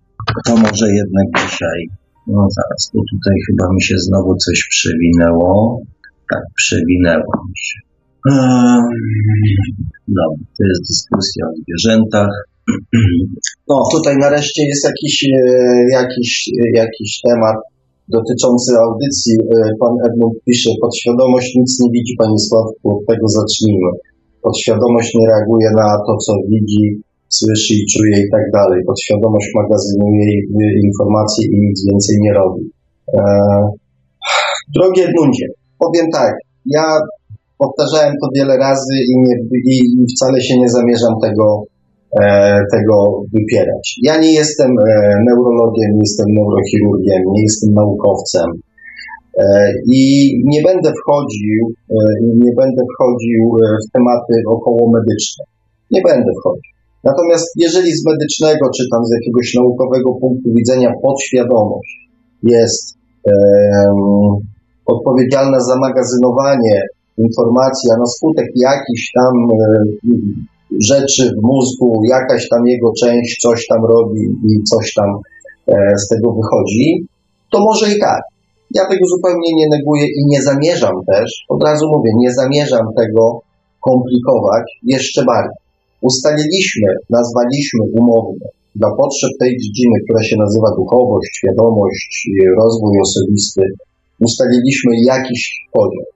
Nie prowadzimy tu dyskusji medycznych, bo nie rozmawiamy w gronie chirurgów, neurochirurgów i neurologów, tylko w gronie ludzi, którzy e, w większości przypadków na ten temat e, nie mają zielonego pojęcia. Zresztą tak samo jak ja. Dlatego ustaliliśmy, że podświadomość jest jakimś tam magazynem, który za coś odpowiada. Jak się to naukowo odbywa? Przyznam się szczerze, mnie to nie interesuje. Mnie interesuje, jakie są skutki tego. A skutki tego są takie, że większość ludzi nie zdaje sobie sprawy ze swoich reakcji. Jest przekonanych, że ma nad nimi jakąkolwiek albo nawet całkowitą kontrolę. Jeżeli um, ktoś jest zainteresowany jak to działa i jak to jest skonstruowane, to polecam książki medyczne, portale, filmy i tak dalej. Szukajcie, grzebcie. Nie oczekujcie ode mnie takich informacji, bo ich nie dostaniecie. Natomiast yy, czy się mylę? Bardzo możliwe. E, świat ducha to nie świat e, podświadomości. Totalnie dwie różne rzeczy niepowiązane ze sobą, zwłaszcza, że tą samą teorię podświadomości e, rozwijały z boki same typu Freuda. Świat ducha to nie świat podświadomości. Poproszę o znaki interpunkcyjne, bo naprawdę nie wiem, jak mam to czytać. Świat ducha to nie świat podświadomości, oczywiście, że nie. To dwie zupełnie różne rzeczy niepowiązane ze sobą. Oczywiście, że się zgadzam. Więc y, nie rozumiem, nie rozumiem tego komentarza. Dobrze. Faktycznie jest gorąca dyskusja na temat zwierząt. E, E, tu jest jakiś komentarz. Byłem tu dwa lata temu i było o UFO, a teraz jakieś ezoteriusze, same i szczury. Co się stało? Nic się nie stało. E, taki temat po prostu poruszamy. A czemu miało, e, a czemu miałoby się coś stać, tak? Ktoś, kto mm, zajmuje się szczurami, bądź jakiś ezotariusz może powiedzieć, że po co mu mm, audycja o UFO. Ja tylko przypomnę słuchaczowi, który to napisał, że radio nazywa się, nie, nie, nie nazywamy się Radio UFO i nie nadajemy wyłącznie audycji o UFO. Jeżeli szukasz debat ufologicznych, to sorry, ale one na razie nie wrócą. Jeżeli szukasz zapisów debat, to proponuję przejść do archiwum, a nie się czepiać na czacie tego, co aktualnie teraz na antenie leci. No, sorry. E, tu mam jakiś komentarz, tu mam jakiś komentarz Jubiego w temacie, na szczęście. E, dziękuję Ci, Jubi. E, u mnie dusza komunikuje się przy pomocy snów, a raczej wizji i odczuwania emocjonalnego. Jubi, tak jak mówiłem nawet podczas wczorajszej audycji, ty jesteś już zawodowcem. Ty potrafisz odróżnić pewne rzeczy i też i źródło informacji. E, masz już po prostu bardzo duże doświadczenie. Ja bardziej mówię o, e, o ludziach, którzy często czują się mm, gorsi, bo nie mają wizji. Parę razy ze strony na przykład Ghosta czytam deklarację, że, e, że, on, że on nie podróżuje, tak? I taki jest troszeczkę nutka żalu, nutka smutku, że jednak on i to w naszych ziemskich kryteriach ludzie czasami czują się gorsi, bo oni, e, oni nie podróżują i oni by chcieli. I to ja tylko do nich e, mówię, bo, bo ty dobrze wiesz, co, co, co widzisz, co robisz, co odczuwasz, tak? Masz już zbyt duże, znaczy zbyt, masz po prostu bardzo duże doświadczenie, żeby umieć to e, ocenić, tak? Ja mówię tym, którzy chcieliby zacząć, którzy próbowali, a im się nie udało żeby bardziej skoncentrować się na odczuwaniu emocjonalnym, na myślach, niż na doszukiwaniu się, doszukiwaniu się wizji. Dobrze, tutaj chwila ciszy, bo próbuję wyło, wyłowić, wyłowić jakieś komentarze, które w jakiś sposób. E, no tutaj jest jakaś informacja, Edmund pisze, lęk jest ograniczeniem. E, też bajka Sław.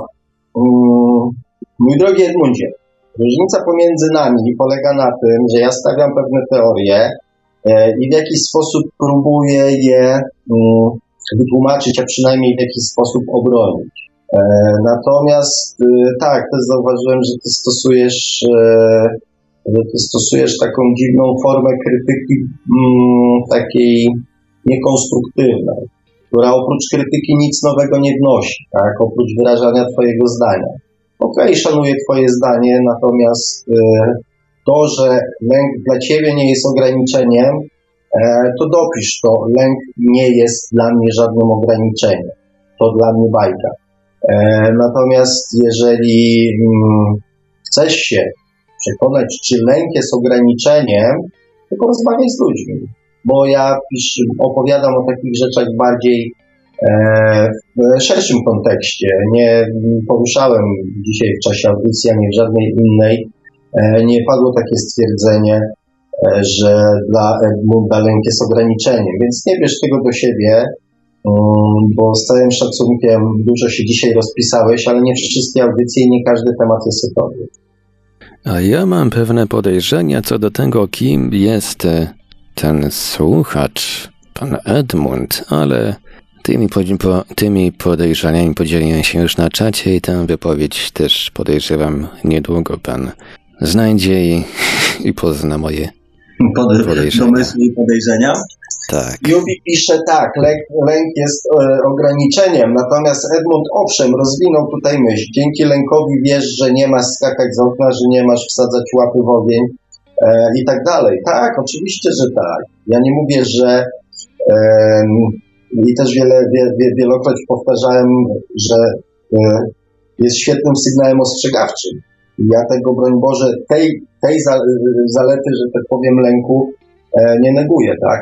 Natomiast e, są takie, e, takie zwykłe lęki, jak na przykład nie wpisanie swojego imienia i nazwiska w internecie, tylko chowanie się na przykład za jakimś nikiem, tak?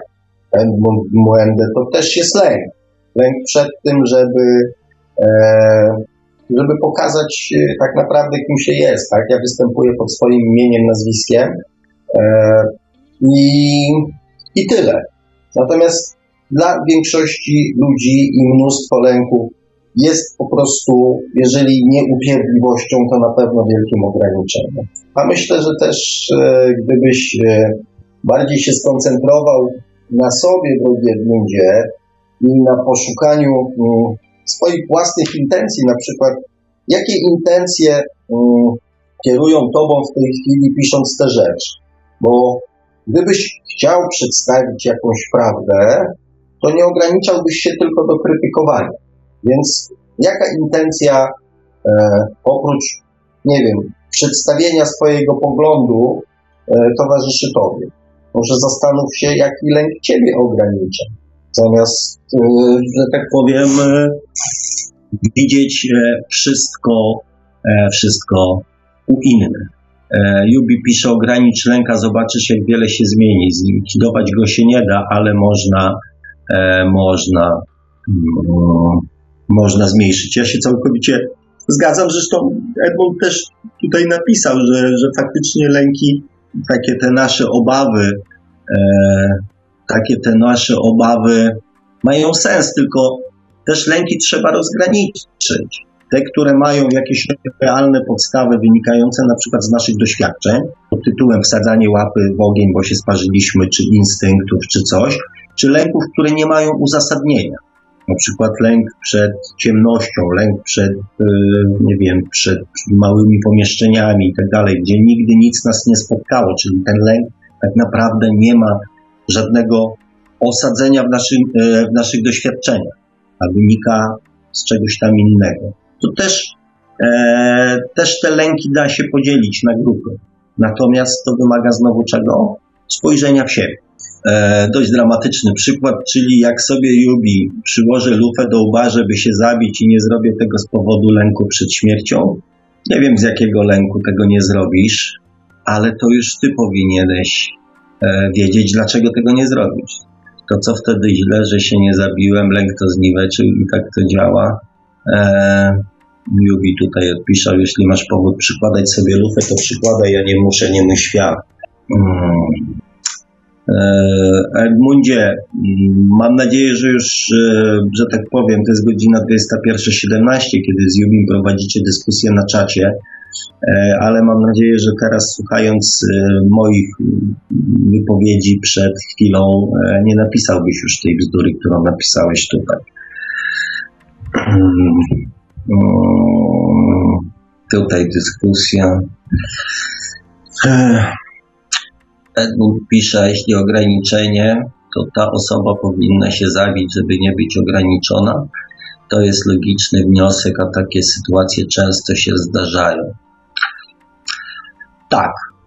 To zależy, jak co rozumiesz pod pojęciem ograniczenia, ale mm, faktycznie mm, rozmowa na zasadzie słownika e, nie ma najmniejszego sensu. Jeżeli nie chcesz się doszukać e, w tym e, jakichś informacji dla siebie, e, to nawet jakbym użył słownika, to i tak się nie doszukasz. Ale za to z wielką przyjemnością, Inka, witam wszystkich.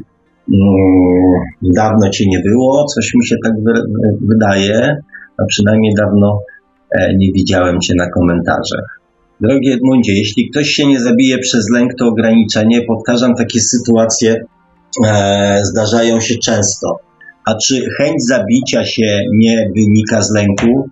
Może zacznijmy chronologicznie e, układać pewne sytuacje, bo ty mówisz w tej chwili o jakichś skutkach czegoś, wyrywasz zdania z kontekstu i próbujesz ludzi wciągnąć w dyskusję. To nie ma najmniejszego sensu, bo wyrywanie zdania z kontekstu i to jest po prostu zwykła manipulacja, a ja, że tak powiem, w manipulację, e, w manipulację się nie będę bawił. Problem Paweł Gaweł. Problem w tym, że w natłoku spraw i obowiązków pracy kłamstw, które są przekazywane w mass mediach, uzależnień panującego systemu i zaprogramowania na świecie brakuje czasu e, na zgłębienie swojego jestestwa. Mm, jest w tym sporo prawdy. Oczywiście to jest bolączka, mm, bolączka każdego z nas, a przynajmniej większości ludzi, że E, zwłaszcza kiedy jesteśmy aktywni rodzinnie, kiedy jesteśmy aktywni zawodowo, że tego czasu mm, dla samego siebie faktycznie brakuje. Natomiast jest też taka konstrukcja wypadku, o którym mówiłem.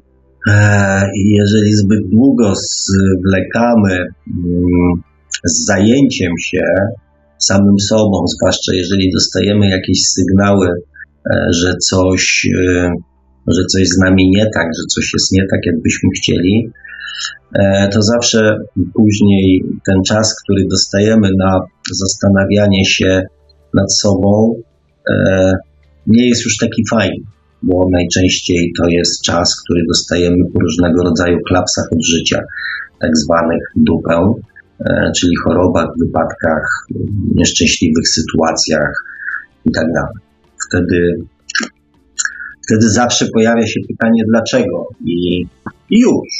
Ale oczywiście każdemu, nikomu nie życzę. Eee, tutaj nareszcie jakaś fajna, że tak powiem, dyskusja pomiędzy e, słuchaczami. Mm, Inka, ale na wesoło mam nadzieję. Adam odpisuje tak, ale jeżeli nie bierzesz się poważnie grania e, sobie na nosie. E, tutaj Jubi tak dość, dość fajnie napisał, lęk ogranicza przez, przed, przed poznaniem prawdy, kim w istocie się jest. Pokazuje nasze ludzkie materialne, no nie tylko materialne, ale tak, w dużej mierze takie fizyczne słabości. E, tutaj Edmund pisze, jak popatrzymy na realne życie, a nie fantazję i wizję tego, jak świat miałby wyglądać według nas, to zauważamy, że lęk jest niezbędny do tego, żeby żyć e, w realnym świecie, a nie w jakiejś utopii. Świat lęków mm, jest światem utopii, bo e, pytanie jest teraz, to jest bardzo dobre, bardzo fajne stwierdzenie, niezbędny do tego, żeby żyć w realnym świecie. Lęk jest niezbędny do tego, żeby żyć w realnym świecie, a nie w jakiejś utopii. E, drogi Edmundzie, jeżeli tutaj zawitałeś i uważasz, że tematy, które poruszamy są jakąś utopią, e, to nie, nie nawracaj nas na siłę, po prostu daj sobie spokój, wyłącz się, e, idź chyba w telewizji, dzisiaj są transformersi, bardziej realny świat. I po prostu nie zawracaj głowy sobie i też innym ludziom, tak? E, natomiast e, czym jest ten realny świat? Znaczy pożyjemy, zobaczymy, tak?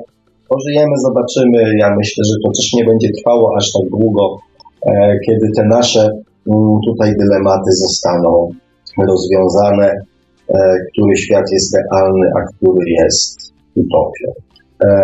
Inka. A, jesteśmy już przy moim temacie. Uważam, że adopcji nie powinno się ukrywać przed dziećmi. Od małego powinni wiedzieć i oswoić się z tym. Znaczy, ja tutaj nie mam takiego aż bardzo um, jednoznacznego, jednoznacznego zdania, ale myślę, że coś w tym może być, bo zazwyczaj wszystkie historie, kiedy dzieci dowiadują się o tym, że zostały adoptowane, są przechodzone w taki dość ekstremalny, w ekstremalny sposób. Także to zazwyczaj burzy jakiś tam świat dziecka i też chyba też brak zaufania do, do swoich rodziców, opiekunów, czy, czy nawet chociażby samego siebie.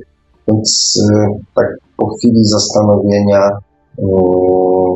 po chwili zastanowienia w dużej mierze się z Tobą zgadzam. Edmund konsekwentnie drąży temat lęku, lęk ratuje nam życie. Zastanów się, może Tobie lęk ratuje życie, a zastanów się, ile lęk przed powiedzeniem prawdy, e, lęk przed przyznaniem się do błędu, e, lęk przed odrzuceniem, ilu ludziom zrujnował życie. Skoro już rozmawiamy o lęku, porozmawiajmy o nim w szerszej perspektywie nie tylko o jego pozytywnych aspektach dla ratowania naszego życia, ale również o tych negatywnych. Jeżeli chcesz rozmawiać, otwórz się też na argumenty innych. Ułomność i nieświadomość ludzi doprowadza do cierpienia i zagłady. To jest e, twierdzenie Emobila. Ułomność, ułomność. Co rozumiesz pod pojęciem ułomność? E, bo tego nie bardzo rozumiem. Inka zgadza się z Edmundem, tak, lęk w życiu jest potrzebny. E, Jubi tutaj napisał, lęk jest naturą zwierzęcia, a my mamy naturę E, gadzią, umysł binarny. Można łatwo sprawdzić, na przykład wrzucamy kogoś do ciemnego pomieszczenia i zamknijmy na jakiś czas i aktywni się bardziej gadzia struktura, walka o przetrwanie, wtedy niektórzy zrobią wszystko, aby zaspokoić rządzę i uwolnić się. Nie wiem, nie słyszałem o takich e, nie słyszałem o takich eksperymentach, ale przecież mamy w sobie wszystkie aspekty, tak? E, wszystkie aspekty i biologiczne, E, i mentalne, i emocjonalne, i duchowe w sobie, tak? Nie jesteśmy tylko biologiczni, nie jesteśmy tylko umysłowi, nie jesteśmy tylko e, emocjonalni i nie jesteśmy tylko duchowi. Więc e, oczywiście wszystkie te aspekty są w nas i w zależności od sytuacji one się, e, one się będą uaktywniały. Tak przynajmniej uważam ja. Lęk ogranicza przed poznaniem. Gdyby się ludzie poznania E, Bali, to może tak by było, nie wiem o co chodzi. Dobrze, tutaj seria przywitań, albo gdybym spotkał niedźwiedzicę z młodymi w lesie i podszedł do niego bez lęku, to pewnie by mnie mm, zabiła. E, Paweł Gawron, my na co dzień ze sobą rozmawiamy. Chodzi o to, czy siebie rozumiemy i chcemy rozumieć, czy raczej idziemy z prądem. Często ze strachu rezygnujemy z tego, co nam podpowiada świadomość.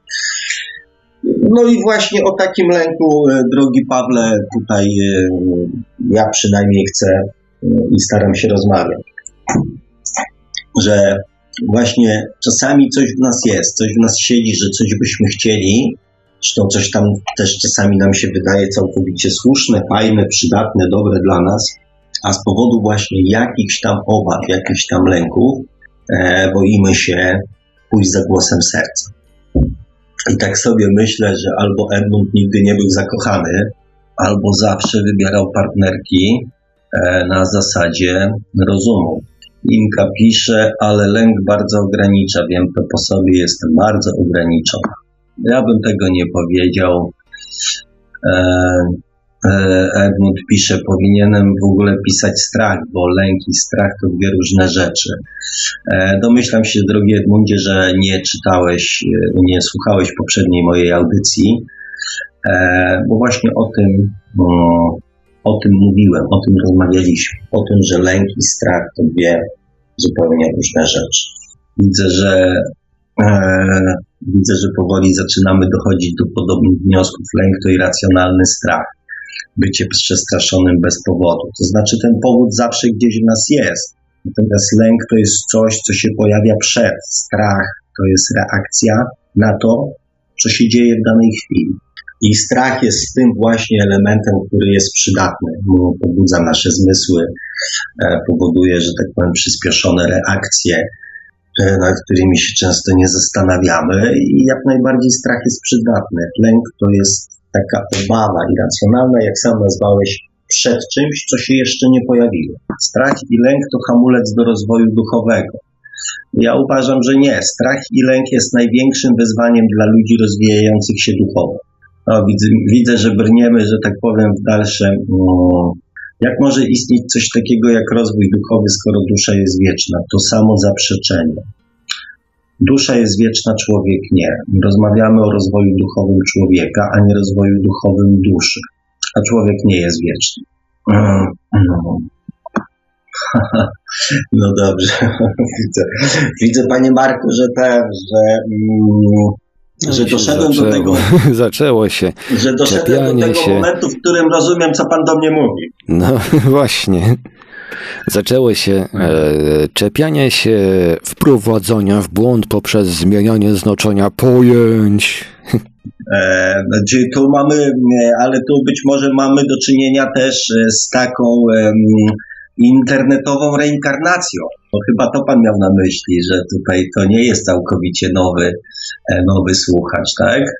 No jak zaczął, jak zaczął się czepiać szczególnie Jobiego i i tam coś mówić o zmienianiu znaczenia pojęć i tak dalej, i tak dalej, no to już właściwie wiedziałem, że właściwie przekonany byłem, że ktoś tutaj postanowił wrócić na naszego czata pod zmienianym nikiem. No cóż, to jest domena internetu. Kamuflaż się nie udał. Ale tutaj tak, chyba żeśmy rozszyfrowali. No, dobrze. A pan już, pan już dotarł właśnie do końca komentarzy tych, które do, do tej pory wysłałem? E, nie, chyba partia. Panie Marku, jestem na 21.34. W Rudasce pisze, jednak się zgodzę, że takim jednym z celów jest szukanie tych dobrych zmian w sobie. E, no i sposobu oraz możliwości na nie. Trudna robota, ale e, wdzięczna. No i tutaj, mój drogi, całkowicie się z Tobą zgodzę że łatwe to nie jest i dlatego też, e, jak ty zresztą sam doskonale wiesz e, e, o moich tam jakichś planach i zamierzeniach, to robię wszystko, szukam metody, żeby to było jak najłatwiejsze. Mm, dobrze, tutaj panowie sobie dyskutują, tutaj panowie sobie dyskutują. O, Juwi tutaj mi napisał, Sławku, w rozmowach z Bogiem jest dużo racji, świetna propozycja. E, ja powiem tak, e, tak jak Wam powiedziałem, nie czytałem książki. Natomiast troszeczkę przyjrzałem się biografii i całej tej otoczce i, i, i głównym, że tak powiem, założeniom i też uznaję, że um, zwłaszcza dla ludzi, którzy um, stoją już jedną nogą, jedną nogą przed chęcią dokonywania zmian, czyli przechodzą z opcji doświadczania do opcji dokonywania zmian, będzie to um, świetna propozycja do tego, żeby ten krok, żeby przekonać samego siebie, że ten krok warto zrobić. Paweł Gabor. Panie Sławku, niech Pan powie o co chodziło, podając w poprzedniej audycji tę informację w 31 minucie. Na jakiej zasadzie ta um, komunikacja polegała? Ojej, mój drogi, ja już nie pamiętam, co ja w poprzedniej audycji powiedziałem w 31 minucie. Um, nie pamiętam. Y, komunikacja. Proszę, jakbyś mógł mi, mi, mi, mi podpowiedzieć, o co chodzi, to ja z chęcią się do tego odniosę. E, drogi Edmundzie, nie wiem, czy masz, e, że tak powiem, orientację. Nie wiem, czy masz orientację, ale w dużej mierze, znaczy nawet nie w dużej mierze, przede wszystkim uczestniczysz w audycji, którą prowadzę ja. Jeżeli e, ktoś miałby tutaj przede wszystkim reagować, to wydaje mi się, że ja powinienem zareagować. Natomiast nie zareaguję. Natomiast nie zareaguję. E, mam tylko jakby jedną prośbę taką zasadniczą, jak panowie macie do siebie jakieś tam e, osobiste sprawy, no nie wiem, wymieńcie się telefonami, mailami, e, kontaktami, Skype'ami, tak? Nie musicie tego robić tutaj publicznie, zwłaszcza podczas audycji, która, która co? Która jest moja. I chcę poruszać w niej jakieś tam tematy, E, natomiast tematy około internetowe e, mnie zupełnie nie interesują. Więc jeżeli chcecie sobie podyskutować gdzieś tam na swoje jakieś tam prywatne tematy, to zapraszam Was do e, Waszego prywatnego kącika i rozmawiajcie sobie. Natomiast, drogi Edmundzie, bardzo zapraszam Cię do dyskusji, ale na temat. Edmund pisze, dodaję trzy rzeczy proste. Ewolucja duszy nie istnieje, jeżeli dusza jest wieczna. Całkowicie się, Edmundzie, z Tobą zgadzam, bo to nie dusza ewoluuje, tylko człowiek ewoluuje. Dusza jest tylko przydatnym narzędziem. I tu się całkowicie z Tobą zgadzam. Natomiast czy dusza jest wieczna, czy nieśmiertelna, przerabialiśmy ten temat ze trzy audycje. Polecam, cofnij się, przejrzyj. E, tam na pewno, e, tam na pewno e, znajdziesz tutaj masz pytanie mm, drugie, co niby ma podświadomość do duszy i Boga, skoro psychologia to się raczej Bogiem e, i tak dalej nie zajmuje. Mm, podświadomość nie jest psychologią, bo psychologia jest narzędziem, które pomaga zrozumieć działanie i mechanizm podświadomości. E, więc psychologię zostawmy, natomiast podświadomość ma bardzo dużo wspólnego z Bogiem i z duszą, ponieważ to ona podsuwa nam to, co mamy myśleć o Bogu, o duszy i o całym duchowym świecie. Więc ma bardzo dużo wspólnego. A teraz dotarłem, Panie Marku, do tego. Teraz dotarłem do tego. To mogę wysyłać już drugą partię komentarzy. E, tak, tak, tak. E, nie, jeszcze, jeszcze, a może już tak, chyba tak, bo jestem przy 9.49. E, czy to znaczy, że możesz zmieniać znaczenie definicji? Jeśli definicja jakiegoś słowa ci się nie podoba, to możesz wymyślić własne pojęcie, e, a nie brać cudze i zmieniać ich znaczenie. A jednak pan słowo. Dobra, to się kawałeczek cofnę. Da się kawałeczek, co trochę, o, faktycznie zbierało. Mm, Adam nas pożegnał. Dzięki Adamie. Serdeczne. Jubi pisze, tak mogę, stare musi odejść, udowadniają to systemy, które były tysiące lat i do niczego konstruktywnego nie doprowadziły. Um, Adam mnie zachęca, Sławku, mów dzisiaj, tak jest atmosfera dość bezpośrednia. E, nie wiem, czy ją wyczułem, czy się spodziewałem, ale faktycznie pasuje do tego, e, do tego co, mm, co miałem ochotę powiedzieć. Może jeszcze powiem, zobaczymy, jak się sytuacja rozwinie. Dobrze, czyli jak mam. Inka Adam, Nosfera to myśliciel. Jeśli wrócił pod innym nikiem, to też okej, okay. lepiej, że jest, niż jak go nie ma. Mm. Dobranoc Adamie. Dzięki Jubi. Edmund, przypominam, że audycja jest o duchowości. E, Sławku, jak radzić sobie z lękami? Marzenka się przywitała, uszanowanko, więc spóźniona, więc będę na odsłuchu. E, witaj Marzenko. Znaczy, y, Jubi, mm, dzięki, że zapytałeś, dzięki, że zapytałeś mm, i w sumie można by było mm, i w sumie można by było do tego tematu e, i w sumie można by było do tego tematu wrócić. Zresztą już żeśmy, e, już żeśmy coś tam poruszali ten temat, e, więc sobie zaraz zanotuję, żeby do tematu wrócić, bo to ciężko tak w 5 minut. Jubi napisał jeszcze wszyscy podróżują, a nie, ale nie zawsze świadomie. I ja uważam, że ta nie, to nieświadome podróżowanie, te, które się odbywa w snach i tak dalej, jest y, przynajmniej na początku bardzo bezpieczne. Bezpieczne. Codziennie.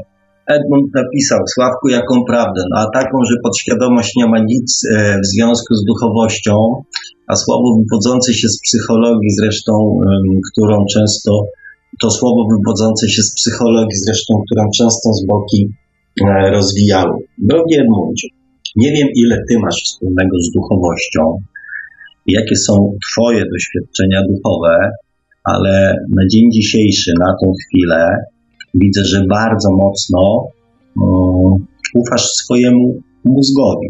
E, a tak naprawdę duchowość zaczyna się pojawiać wtedy, kiedy mózg troszeczkę przestaje pracować, więc e, jeżeli tak funkcjonujesz 24 godziny na dobę, mm, to rozumiem Twoje twierdzenie, że podświadomość nie ma nic wspólnego z duchowością. Co nie znaczy, że się z Tobą zgadzam, bo się nie zgadzam tak żebyśmy mieli jasność. Przemek pisze, dusza jest podporządkowana ciału. Dusza to my, nasza podświadomość to my sami jako energia, duch, który ożywia ciało. Wiadomo, ciało to procesy chemiczno-biologiczne, e, ale bez duszy ciało nie funkcjonuje. Coś w tym jest. Umysł to właśnie ten zagadkowy układ jego możliwości, z którymi konwencjonalnej nauce nie po drodze. Inka. Ja myślę, że Edmund dogadałby się z panem Sławkiem bardzo dobrze, ale nie poprzez czat, tylko raczej w rozmowie telefonicznej lub na Skype'ie. E, droga Inko, mm, ja myślę, że Edmund dogadałby się z każdym, e, gdyby w nim e, mała chęć do gadania.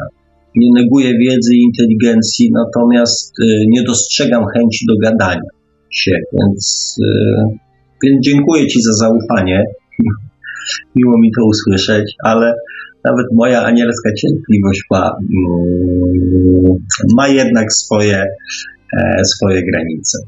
Marzenka pisze, Ktoś nazewnictwa wcześniej nadał, wymyśli, więc ja mogę inną nazwę dodać, która mi bardziej pasuje i bardziej odpowiada rzeczy, bo wiem, bo doświadczyłam, a nazwa nadana przez kogoś, mm, kto pojęcia e, nie ma. E, powiem tak, myśl zasady, jak się psa chce uderzyć, to się kij zawsze znajdzie.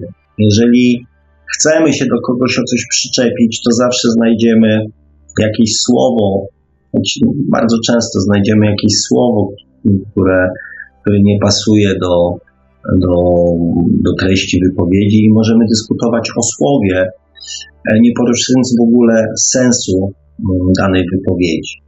Jest to dość wygodne, jeżeli chce się kogoś, nie wiem, wyprowadzić z równowagi, ośmieszyć albo udowodnić jakby swoją, e, swoją wyższość, tak? Tylko, że to jest taka pozorna wyższość, ponieważ e, inteligentni ludzie dostrzegą natychmiast, że rozmowa nie jest na temat, tylko jest o słowie. Więc jeżeli kogoś, tak powiem, kręcą takie formy mm, rywalizacji i poprawiania swojego własnego samopoczucia, e, Proszę uprzejmie. Przemek pisze, życie w ustawicznym lęku prowadzi do życia jakby w więzieniu. Są różne rodzaje lęków, ale lęk jest trucizną, e, która zatruwa i niszczy nas samych.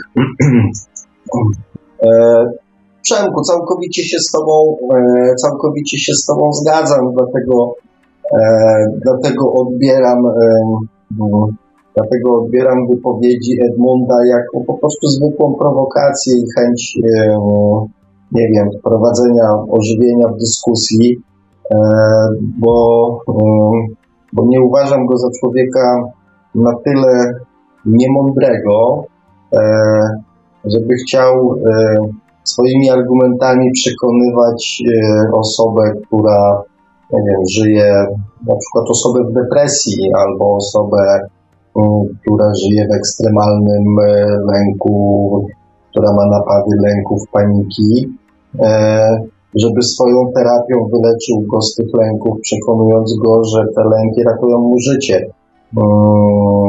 To są ludzie, którzy już tak, którzy w lęku żyją po kilkanaście, kilkadziesiąt lat, e, um, uzależnieni od, od leków, które, które, które muszą brać, żeby, żeby móc w miarę normalnie funkcjonować.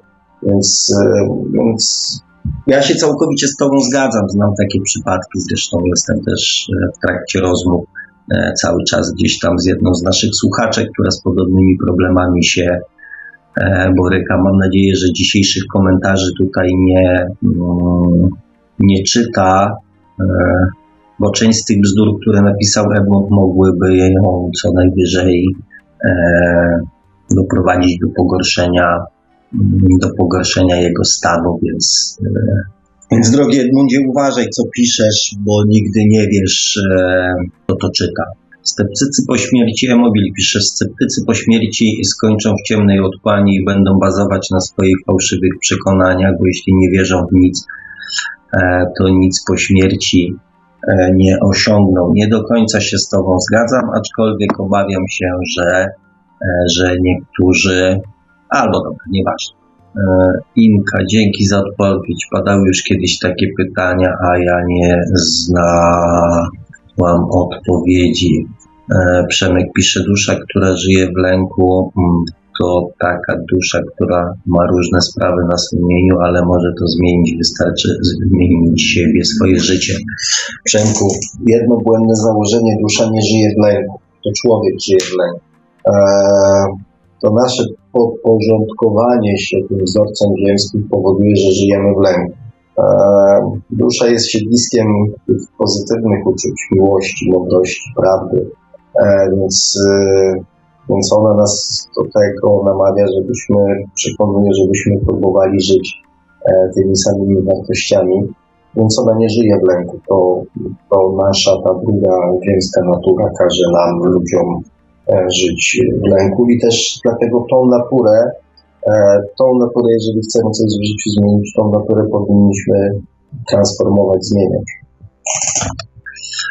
Jubi, e, uważam, że na audycję powinny przychodzić osoby, które chcą się dowiedzieć czegoś, a nie pałować się. E, ja nie zamierzam czytać komentarzy uderzających interpersonalnie we mnie, jakbym coś musiał. E, sorry, Jubi, ale jestem za odbanowaniem Edmunda. Przemek PP, dokładnie 100% racji. Zaraz tutaj momencik. Inka Immobil, e, tego kto gdzie i jak skończy po śmierci, to naprawdę nikt nie wie. Emobil, wiecie skąd się bierze zło? Aby żyć, zabijamy inne istoty. Rośliny też są żywe, inteligentne i czujące. Jest jeden e, aspekt, który trochę łagodzi tę brutalną filozofię życia. W momencie zagrożenia nasza świadomość nasza jaźń, dusza, czy jak to tam woli nazwać, opuszcza ciało i nie doświadcza traumy i cierpienia. E, fakt, że ludzie jednak wyspecjalizowali się w zadawaniu bólu i cierpienia. Mm, nie do końca się z tym zgodzę. Nie do końca się z tym zgodzę. Mm, bo jednak po to, po to doświadczamy cierpienia i bólu, żeby wiedzieć, jak to jest. Więc jeżeli dusza miałaby nas w tym momencie opuścić, E, to nie mogłaby tego doświadczenia zapisać i nam później mm, go w pewnej formie wniosku przedstawić. Więc ja nie zgadzam się z tym, że dusza nas w tym momencie opuszcza. Przemek PP, ja myślę, że jest tak, że dusza e, nie to, że ma coś na sumieniu, ale decyduje się na podjęcie większej gry w celu ewolucji. E, dusza jest częścią większego systemu cała natura nie kończy się tylko na duszy. Mm, to sobie muszę zrobić tutaj notatkę. To sobie muszę zrobić notatkę, bo z chęcią do tego tematu wrócę. ale w troszeczkę dłuższej e, formie. Emobi i zawijają także informacje o bólu pozostaje w tej substancji polach fizycznych, które zjadamy. Trudno się w takim wypadku dziwić, że wciąż zachowujemy się jak bestie. No dość śmiała teoria, ale nie będę się wypowiadał, nigdy się nad tym nie zastanawiałem. Zresztą, e, zresztą to jest e, to, co się pojawiło dzisiaj w audycji. Po co? Po co są takie informacje? Co one zmieniają w naszym życiu? No może to, żeby nie jeść roślin, to zaraz się okaże, że w ogóle nie ma co jeść. Czy może to ma być kolejna forma wytłumaczenia, że przez to, że jemy rośliny, rośliny to jesteśmy, że tak powiem, bestiami? Czy zachowujemy się jak bestie? Ja nie szukam wytłumaczenia dla siebie. I nie będę tego zwalał na rośliny. E, Przemek pisze także, moi drodzy, skoro dusza jest nieśmiertelna, to znaczy, że możemy cieszyć się życiem nieskończonym. No poniekąd tak. Zresztą Jubi ci tu widzę odpisał. E, Przemek no, na bardzo wysokim poziomie duszy, kiedy powraca do źródła lub próbuje kontaktować się ze źródłem uniwersum, jest e, kolejny haczyk. No, Każde zło i uma zostawia ślady energetyczne w polach fizycznych i miejscach i przedmiotach. E, tak. No, w przedmiotach i miejscach to czuć. Marzenka się włączyła do tej dyskusji. E, Jubi pisze, nawet negatywna myśl, e, siedząc w pomieszczeniu negatywnych ludzi i będziesz czuć. E, e, Jubi, ale jak się, siądziesz wśród takich, Marzenka pisze, jak siądziesz wśród takich ludzi i podejmiesz pojedziesz dobrą emocją, to sami wyjdą. No odważnie. Niektórzy reagują bardzo, um, bardzo agresywnie na takie, um, na takie próby. E, poza tym nie traćmy nadziei, bo jesteśmy teraz w szczególnym okresie koniunkcji galaktycznej, który możemy wykorzystać do skoku cywilizacyjnego. Już sporo sygnałów, że właśnie tak się, e, że właśnie tak się dzieje. Lubi pisze Marzenka i to dokładnie pokazuje, jakimi istotami jesteśmy. 10% e, normalnych ludzi może zmienić 90% e, śpiących. E, tego system się boi i dusi u zarodka. Ano, ano, prawda. I tutaj Przemek, a co istotne odnośnie duszy, skoro jesteśmy nieśmiertelni, jesteśmy elementem systemu ewolucji, to jak to się ma do tego, że każda dusza powinna na nowo przychodzić na Ziemię, kiedy ją, e, kiedy ją opuszcza? A, kiedy ją opuszcza? Patrzę, gdzie tu jesteśmy, jakiś. A, widzę tutaj, a zasoby są przeludnione. E, ludzie powinni opamiętać się w dzieciolubstwie, bo nasza planeta zaczyna się przeludniać, a zasoby są, um, są ograniczone. Powiem Wam, kochani, tak e, między nami, między nami tutaj mówiąc, że nie wiem, czy to zbanowanie Edmunda spowodowało, że on się przestał odzywać, czy. Um, Edmund próbował wrócić, ale e, tym razem już e, poszedł po bandzie, zaczął mnie wyzywać, Jobiego wyzywać, więc dostał kolejnego bana. I się skończyło. Aha, no bo to właśnie tak się zastanawiałem, e, czy może coś tam mu dotarło, czy to po prostu skutek działań technicznych. Zadziałała tak zwana widzialno-niewidzialna ręka sprawiedliwości. Internetowej. Tak. E, no dobrze, kochani, słuchajcie, powiem wam tak. No ja powiem tak, tutaj jeszcze jest kolejna partia komentarzy. Mhm. Ja może przypomnę nasz numer telefonu, pod którym odbieramy nie tylko telefony, ale i SMS-y. 530 620 493 530 620 493 Można także próbować na Skype'ie radio.paranormalium.pl Gadu gadu 36 08 80 02 36 08 80 02 Jesteśmy także na czatach Radia Paranormalium na www.paranormalium.pl oraz na czacie towarzyszącym naszej transmisji na YouTube.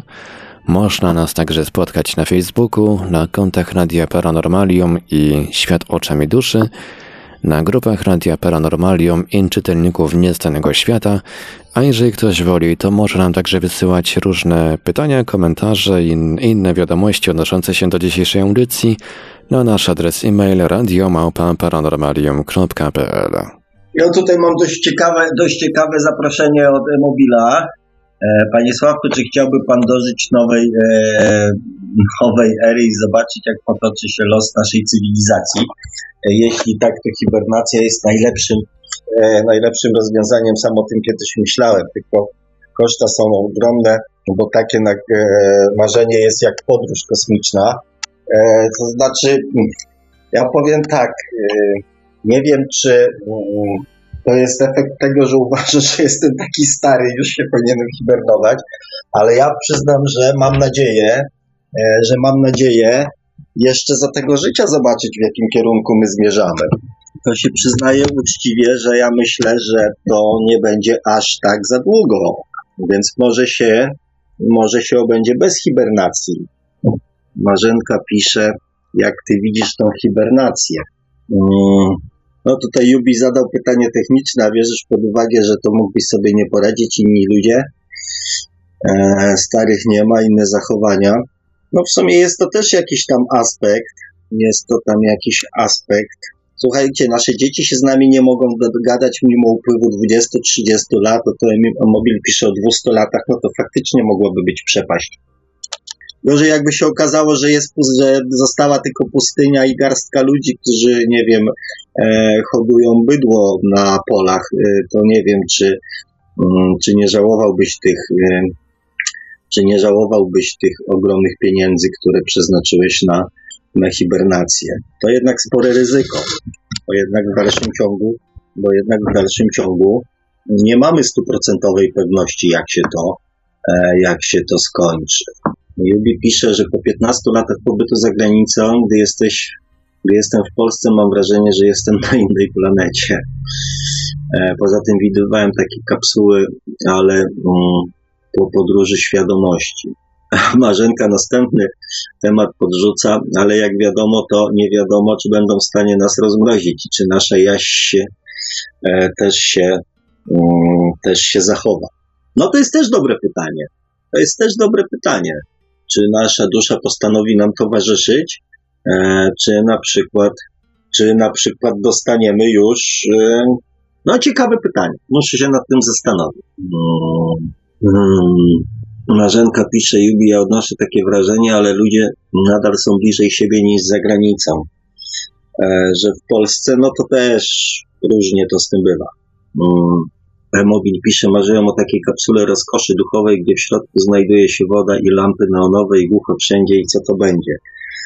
No, ja mam też jakieś tam swoje, e, swoje marzenia, ale może trochę bardziej przyziemne. Mobil pisze, ja też czuję się lepiej w innych miejscach niż w tych, co ja przebywam na co dzień jest dość ciekawa informacja, do której zaraz się odniosę. Juby pisze, Sławku to był słuchacz, który miał tutaj mieszać i tyle. Szkoda o nim mówić, bo jeszcze czerpie satysfakcję, że się, um, że się um, o, nim, o nim mówi.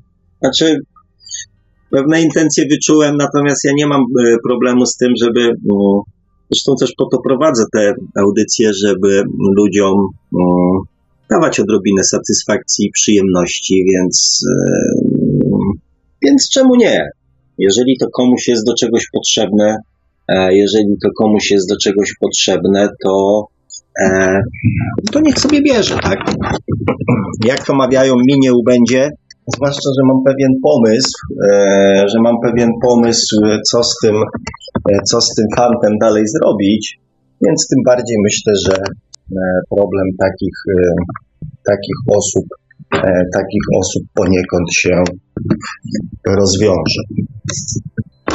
Ja się jeszcze spróbuję na chwilę przełączyć. Spróbuję jeszcze na chwilę przełączyć. Mm, Marzenka pisze, lubi wiesz, ale swój swojego pozna. Dobrze, tutaj jest jakaś rozmowa, o której ja nie do końca wiem. E, a, Marzenka pisze, ach, rozumiem. E, Jubi wrócił do tematu Sławku, jak radzić sobie z lękami, jakieś sposoby, e, jakieś sposoby. Mobil, homeopatia, najlepszy sposób leczenia. I tu jeszcze mam ostatni komentarz, mm, a może to nie podświadomość, ale brak świadomości.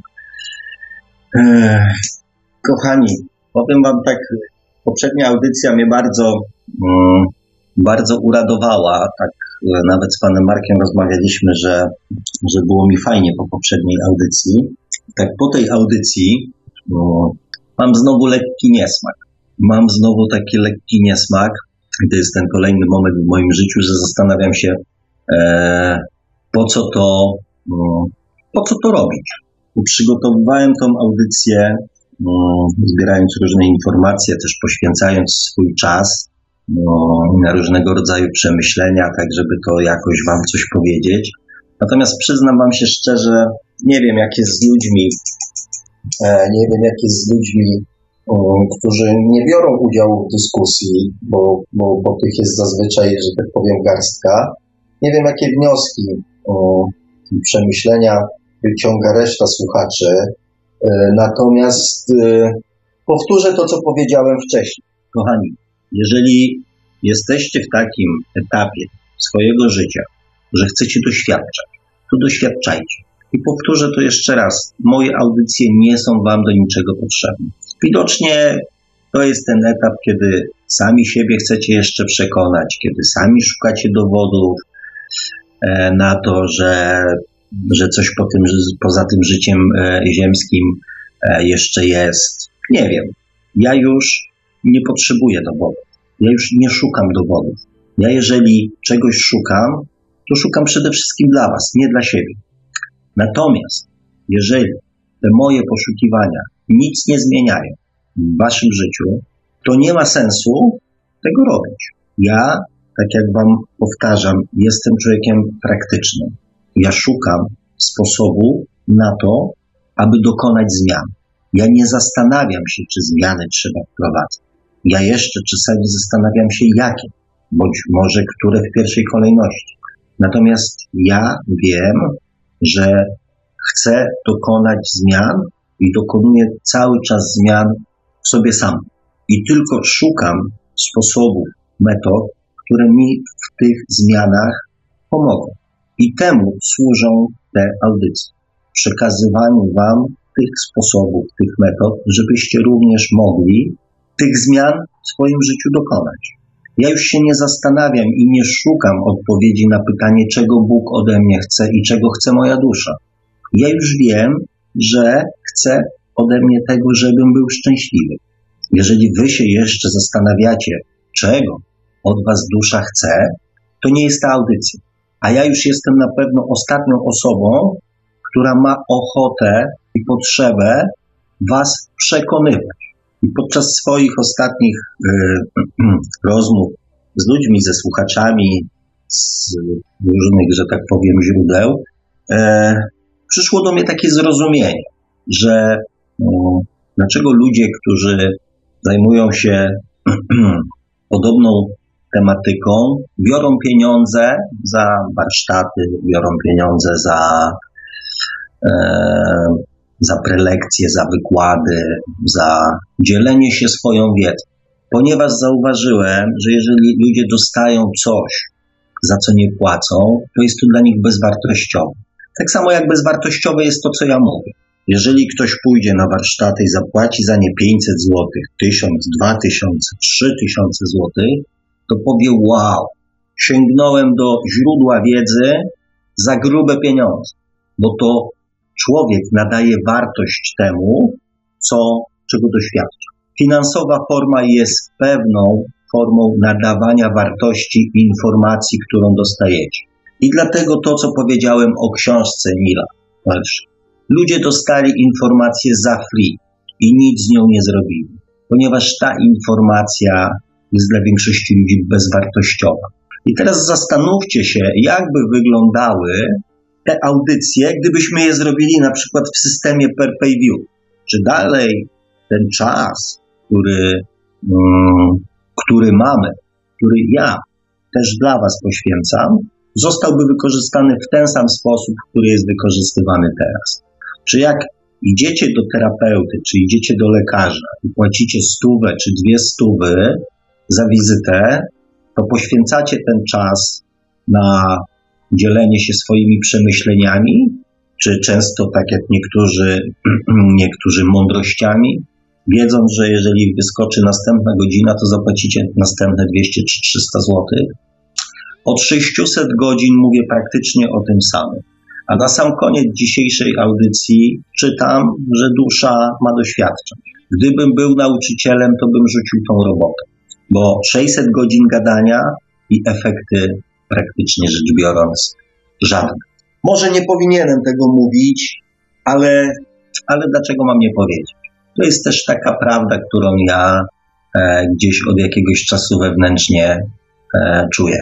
I jak uważałem te komentarze po audycji za coś fajnego, tak patrząc nawet w dniu dzisiejszym na to, jakimi tematami, jakimi sprawami chcecie, żebym się zajmował, to ja mówię nie. Wasz czas jest waszym czasem. Poświęćcie go na co chcecie.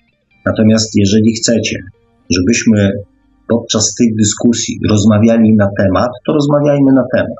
Jeżeli nie będziemy rozmawiali na temat, e, to po prostu zrezygnuję z e, uczestniczenia w, w tych czatach paudycyjnych.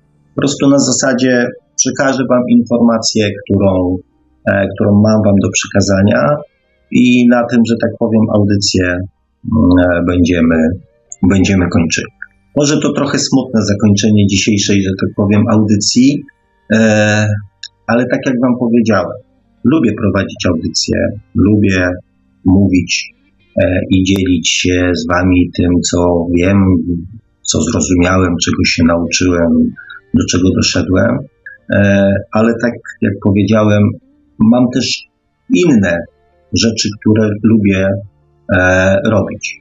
E, a już e, uczestniczenie w jakichś tam przepychankach, w jakichś tam rzeczach zupełnie nie jest e, rzeczą, za którą, którą lubię i którą, e, za którą przypadam. Więc proszę tych, którzy będą mieli ochotę znowu porozmawiać nie na temat. Przeczytajcie dokładnie tytuł audycji, posłuchajcie o czym będzie audycja. Jeżeli chcecie uczestniczyć w rozmowie na ten temat, to zapraszam. Natomiast jeżeli nie, to nie wiem, jeżeli macie ochotę, nie wiem, posiedzieć i pogadać, to nie wiem, kupcie ziemniaki, kaszanki, wpadnijcie do mnie na grilla, usiądziemy i pogadamy. Natomiast szanuję swój czas i też szanuję czas innych słuchaczy, którzy może niekoniecznie są tym zainteresowani. Dlatego bardzo Was proszę, przyjmijcie do wiadomości, że ja szukam sposobu na zmianę życia, na poprawę życia. Tym się zajmuję. Etap przekonywania się i zastanawiania mam już za sobą. Więc e, jeżeli mamy wspólny cel, to ku niemu dążmy. Natomiast ci, którzy mają inne cele, niech po prostu idą swoją, swoją drogą.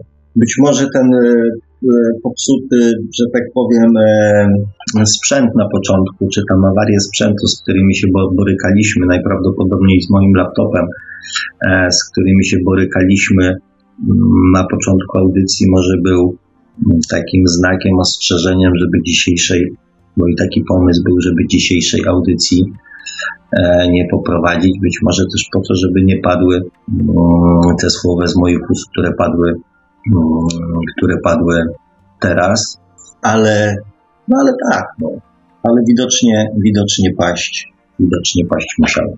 Chcę przekazywać wiedzę, chcę się tą dzielą, wiedzą dzielić, mm, ale chciałbym to robić w fajnej, miłej, e, przyjaznej, sympatycznej atmosferze wspólnego, wzajemnego szacunku, zrozumienia i też wspólnego, e, i też wspólnego celu który nam gdzieś tam przyświeca. Mam nadzieję, że przynajmniej, e, przynajmniej tak będzie. Marzenka pisze, jak jedna osoba na sto zaczai, to już jest warto. Marzenko, nie wiem, czy jest warto. Ja nie jestem człowiekiem, który się nudzi. I też nie jestem człowiekiem, który ma misję. Ja nie jestem, kochani, misjonarzem. I też y, nie mam, nie robię tego dla pieniędzy. Nie prowadzę statystyk, czy jedna osoba zaczaiła, czy trzy, czy pięć. Dlatego nie wiem, czy warto. Pewnie warto tej jednej osobie. Kochani, tak jak Wam dzisiaj dość brutalnie, nie lubię porównań, ale, e, ale powiedziałem to dzisiaj i powtórzę to. Różnica, ja już nie szukam odpowiedzi, ja już szukam sposobu. Jeżeli szukacie odpowiedzi, to ich szukajcie. Co mogę, to pomogę. Co wiem, to powiem. Ale pamiętajcie o tym, że ja szukam już sposobu.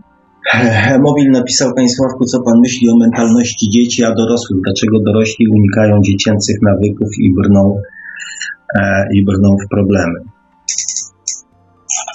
Ludzkie życie jest podzielone na takie czteroletnie, takie czteroletnie etapy, z których e, każdy, każdy jest, e, ma inne zadanie. To jest też między innymi wiedza z kalendarza Majów tych um, najkrótszy, to tak jak najkrótszy um, okres, kiedy mogą się pojawić efekty naszego duchowego czy tam energetycznego działania, to jest 13 dni. To jest najkrótszy okres, kiedy wszystkie 13, kiedy wszystkie 13 e, składowych tego procesu muszą się e, wypełnić. I tak pierwsze, pierwsze, pierwsze te dwa okresy to jest zdobywanie zdobywanie wiedzy.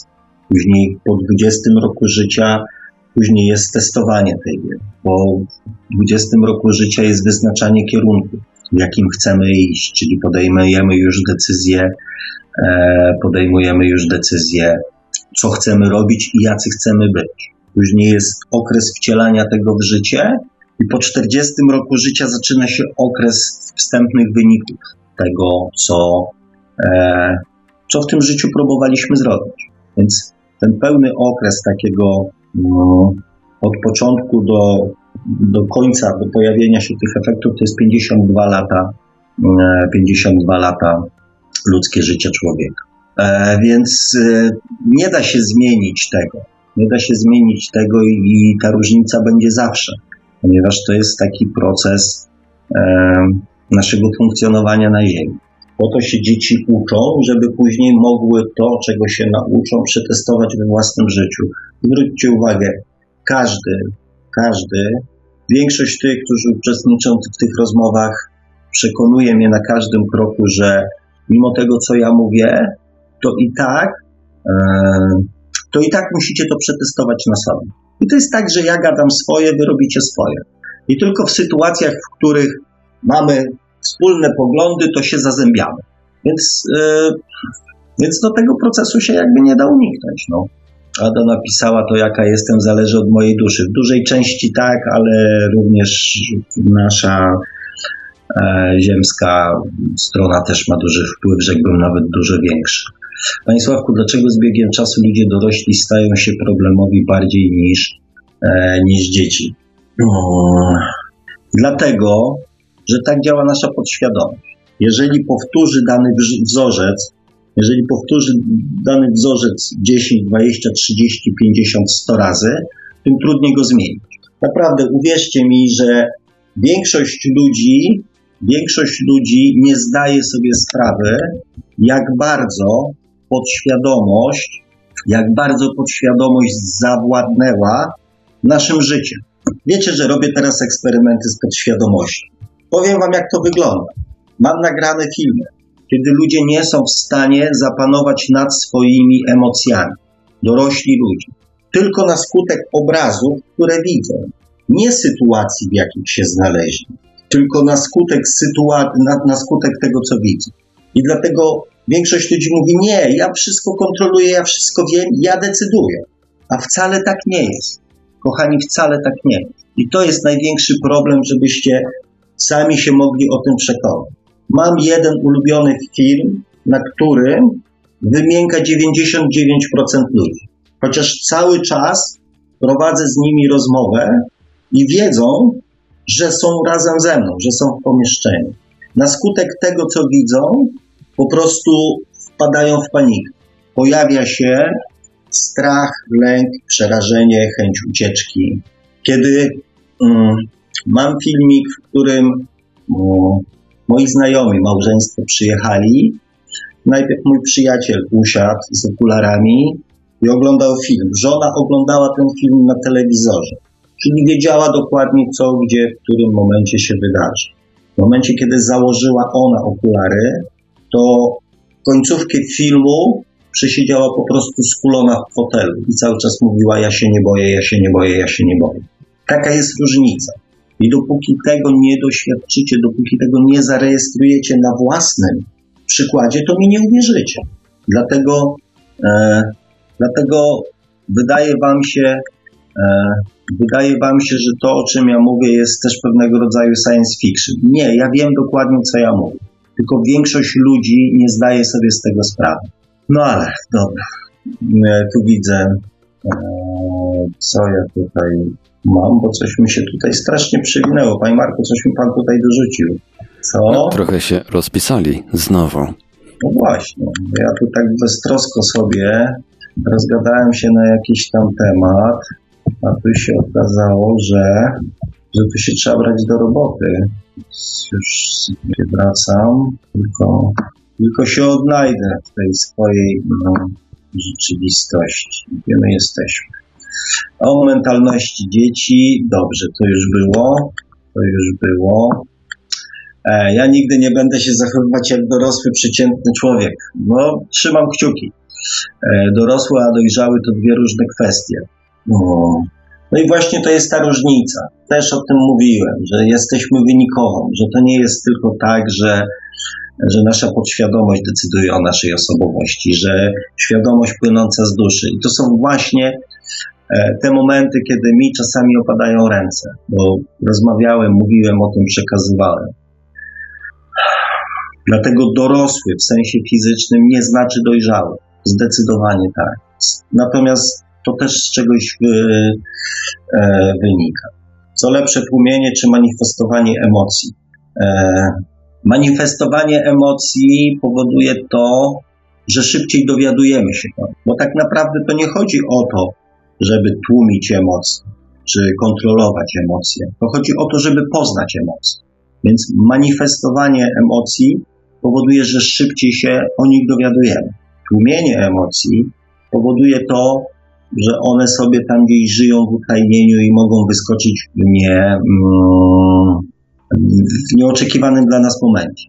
Natomiast jeżeli manifestujemy emocje, to po to, żeby je poznać, żeby je rozpoznać, nazwać, a nie po to, żeby się cieszyć tym, bo ja taki jestem, bo ja się akceptuję w każdej, że tak powiem, sytuacji, lubię siebie takiego, jakim jestem, więc mogę, nie wiem, chodzić po mieście, drzeć mordę i budzić ludzi w nocy. Bo to też przed, pomiędzy tą akceptacją samego siebie, a poznaniem samego siebie jest też bardzo cienka linia. Natomiast ja jestem za manifestowaniem emocji. Marzenka pisze złe pytanie. Eee, znaczy, no jakoś tam, nie wiem, bo podejrzewam, że Marzenka mogła mieć, e, że tak powiem, to samo na myśli, co ja. Eee, Krzysztof pisze, że raz jedno, raz drugie. Eee, Jubi napisał Sławku Neil Donald Walsh cytat. Zupełnie mnie nie zrozumieliście, tak to można podsumować. Eee, tak, tak, Jubi, całkowicie się z Tobą zgadzam. Zresztą taki był też przekaz e, w dużym, w dużym sensie e, tej dzisiejszej audycji też nie przez przypadek e, e, rozmowy z Bogiem się dzisiaj w audycji pojawiły. Tak.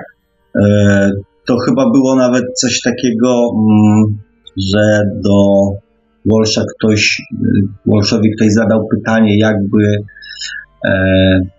w jednym zdaniu opisał mm, informację, którą Bóg chciał przekazać ludziom. E, I on powiedział, wystarczy pięć, bodajże wystarczy pięć słów, czyli zupełnie mnie nie zrozumieliście, tak? Czyli po angielsku to będzie pięć słów. To wam się wydaje, że wy lepiej ode mnie wiecie, czego ja od was chcę. I to jest właśnie ta nasza ziemska, e, e, i to jest właśnie ta nasza ziemska natura. Ja to obserwuję od 600 minut, kochani, prowadzenia audycji. Kiedy tak naprawdę czasami boksuje się z waszą podświadomością.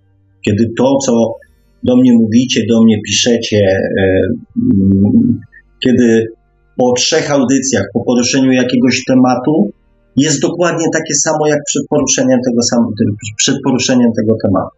I ja to dokładnie widzę, że to, co mówię, zupełnie nie znajduje przełożenia na to, co wy później do mnie mówicie. Przynajmniej w dużej mierze e, przypadków. Przykro mi jest to mówić, ale to też e, ostatnio rozmawiałem z jakąś słuchaczką, z, z koleżanką w tej chwili znajomą, w kwestii jakiejś tam e, właśnie zapłaty za, e, za jakąś tam poradę, usługę, pomoc. Ja powiedziałem, nie, ja mam, mam radość z tego. Natomiast obiecaj mi, że dasz mi jeszcze satysfakcję, że to, co powiedziałem, przyniosło konkretny efekt. I mi brakuje, kochani, satysfakcji z tych takich dowodów na to, że to, co mówię, ma jakiś sens dla Was, że to coś zmienia, że to nie jest tylko gadanie dla samego gadania. Mam radość, mam przyjemność z przekazywania wiedzy, z przekazywania tego, co myślę, dzielenia się swoimi poglądami, ale brakuje mi jeszcze satysfakcji. E, Jubi pyta, jaki tytuł, e, ale nie wiem czego. E, Elmobil, masz rację, bo, sytuacje, bo są sytuacje, że czasami warto ugryźć się w język i poczekać, a potem wyrzucić z siebie wszystko. E, I to jest informacja dla Edmunda. Czy lęk, czy lęk nas ograniczy? To jest właśnie takie nasze tłumaczenie, że czasami warto ugryźć się w język. Ale dlaczego warto się ugryźć w język? I poczekać, i przeczekać, a potem wyrzucić z siebie wszystko. To jest właśnie nasze myślenie podświadomości. Nie. Powinniśmy reagować natychmiast, powinniśmy, że tak powiem, e, mówić natychmiast i powinniśmy mówić prawdę. Tylko te nasze zagrywki podświadomości, że czasami lepiej, czasami warto, czasami będziemy mieli z tego korzyść, czasami jak czegoś nie powiemy, czegoś nie stracimy. To jest właśnie ta pułapka, ten matrix, w którym się trzymamy i w który wierzymy, że warto. Nie, nie warto, bo tak czy inaczej, mówiąc prawdę, czegoś się dowiemy. Albo o sobie samym, albo o człowieku, z którym rozmawiamy. Jeżeli ktoś nie jest w stanie zaakceptować prawdy, czy podyskutować z nami chociażby o naszej prawdzie, to warto też zweryfikować jego intencje względem nas, tak? A skoro my w pewnych sytuacjach wybuchamy gniewem, złością, pretensjami, to też jest informacja o nas. Dlaczego takie sytuacje nas denerwują? W każdej sytuacji warto jest mówić prawdę, bo tak czy inaczej czegoś się dowiemy. A te czasami warto ugryźć się w język i przeczekać i później wyrzucić. Słowo wyrzucić jest słowem negatywnym. Wyrzucić. Nie wypowiedzieć, nie wyrazić, tylko wyrzucić. Właśnie tak jest. Bo jeżeli coś przetrzymujemy za długo w środku, to chcemy się tego pozbyć, chcemy to wyrzucić, bo wiemy, że to jest dla nas złe, że to nas trawi tam od środka, dlatego chcemy to wyrzucić. I w takich drobnych słowach, w drobnych słowach widać intencję. I przeczytajcie, są sytuacje, że czasami warto ugryźć się w język i przeczekać, a potem wyrzucić z siebie wszystko. Emobil cytuję to, bo to jest też nauka dla wszystkich. Czasami warto kalkulacji ugryźć się w język, czyli coś przemilczeć, przeczekać i wyrzucić. Marzenka pisze, no właśnie, trzeba obczajać emocje i zobaczyć skąd się biorą i z czego wynikają. Um, a, no tak, no o tym pisałem, także Marzenko, oczywiście, oczywiście się zgadzam z Tobą. Jak uwolnić się przed sugestią e, i manipulacją? E, uwolnić się przed sugestią i manipulacją. Słowo uwolnić wskazuje, że jesteśmy w procesie, e, że mówimy tu o procesie, w którym ty już jesteś, czyli że jesteś manipulowany um, i chcesz się z takiej sytuacji uwolnić. No to jest indywidualna sytuacja. Tu ja mi ciężko znaleźć taką stryk receptę i powiedzieć, co należy zrobić, tak? E, znaczy, tu jest, zawsze jest, um, najlepszą, najlepszą obroną jest świadomość, tak? Świadomość, y, czyli pozbycie się lęku w ocenie drugiej osoby, która, czyli po prostu zrozumienie, że ktoś próbuje nami manipulować, że manipulacja to jest chęć wykorzystania człowieka, e, e, nas przez drugiego człowieka do, do jego jakichś tam potrzeb. No i ja, dla mnie to jest, e, świadomość jest takim, e, takim, e, takim, tak, taką, kurde, jak to nazwać, sygnałem ostrzegawczym, stamtąd jakieś takie informacje ostrzegawcze e, dla mnie płyną. Też takie dopuszczenie, dopuszczenie intuicji, czyli dopuszczenie duszy do głosu też jest dla nas informacją, że ktoś, e, że ktoś próbuje nas wykorzystać. Też rozwijanie miłości do samego siebie jest e, fajną formą obrony przed sugestią i manipulacją z miłości do samego siebie, z troski o samego siebie e, nie pozwolę, mm, nie pozwolę sobą manipulować. Także tu płaszczyzn działania, na której coś trzeba mm, zrobić, jest, jest sporo. Ada pisze, w podświadomości musi być działanie, bez tego ani rusz. No, czy tu akurat podświadomość może być, e, no, tu akurat podświadomość może być dla nas e, przydatna, ale to najczęściej w tej podświadomości działanie płynie z miłości, płynie z wiary. E, natomiast podświadomości może być wzorzec niechęci do działania albo braku wiary we własne siły. To ja bym prędzej się w podświadomości doszukiwał ograniczeń niż, niż wsparcia.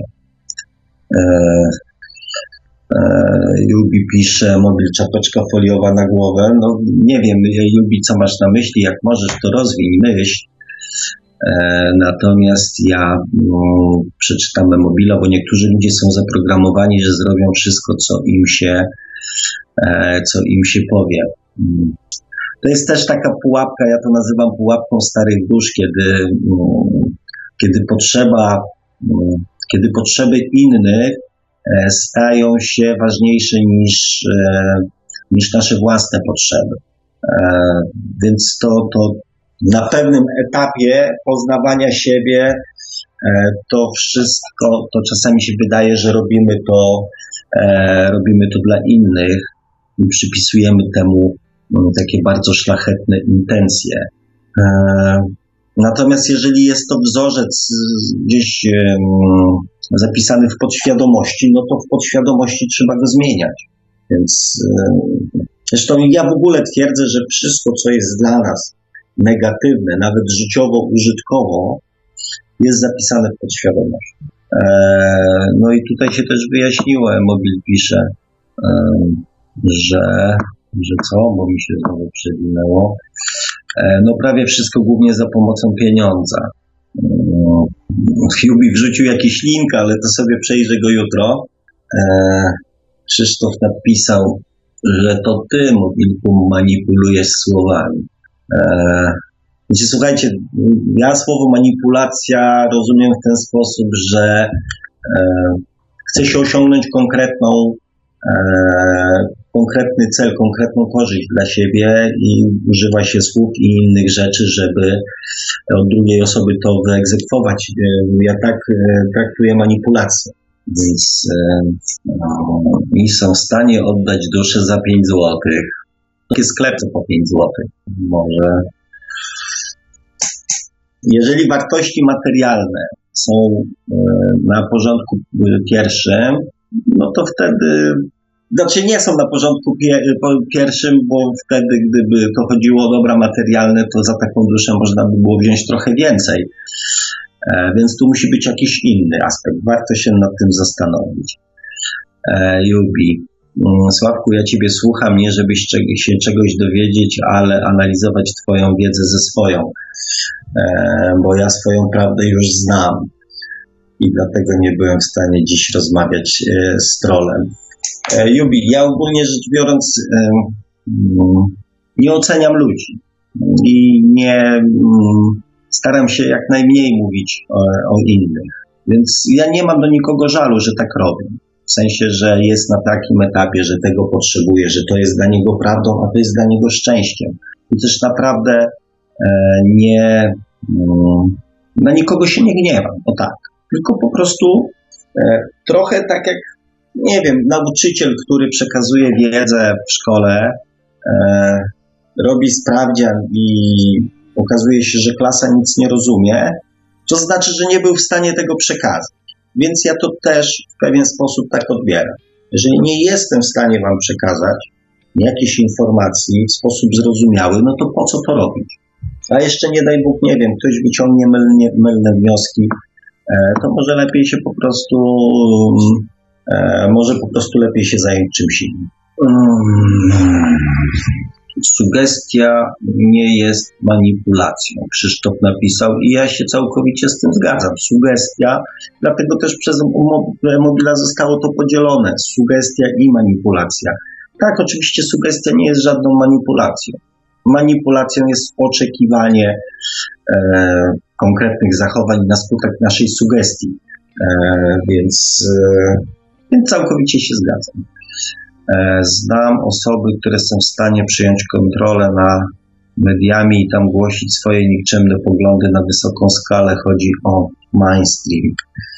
Słyszałem o tym pojęciu, nie znam go za dobrze, e, więc e, ciężko mi się odnieść, ale to jest trochę tak, że można, można próbować można próbować manipulować ludźmi. Natomiast nie każdym człowiekiem da się manipulować. I przeważnie tam, gdzie jest manipulator, e, pojawiają się ludzie, którzy chcą, by ktoś za nich decydował. Więc to jest taka wzajemna, wzajemna interakcja i to jest jak, jak, jak trosze, troszeczkę e, taka symbioza.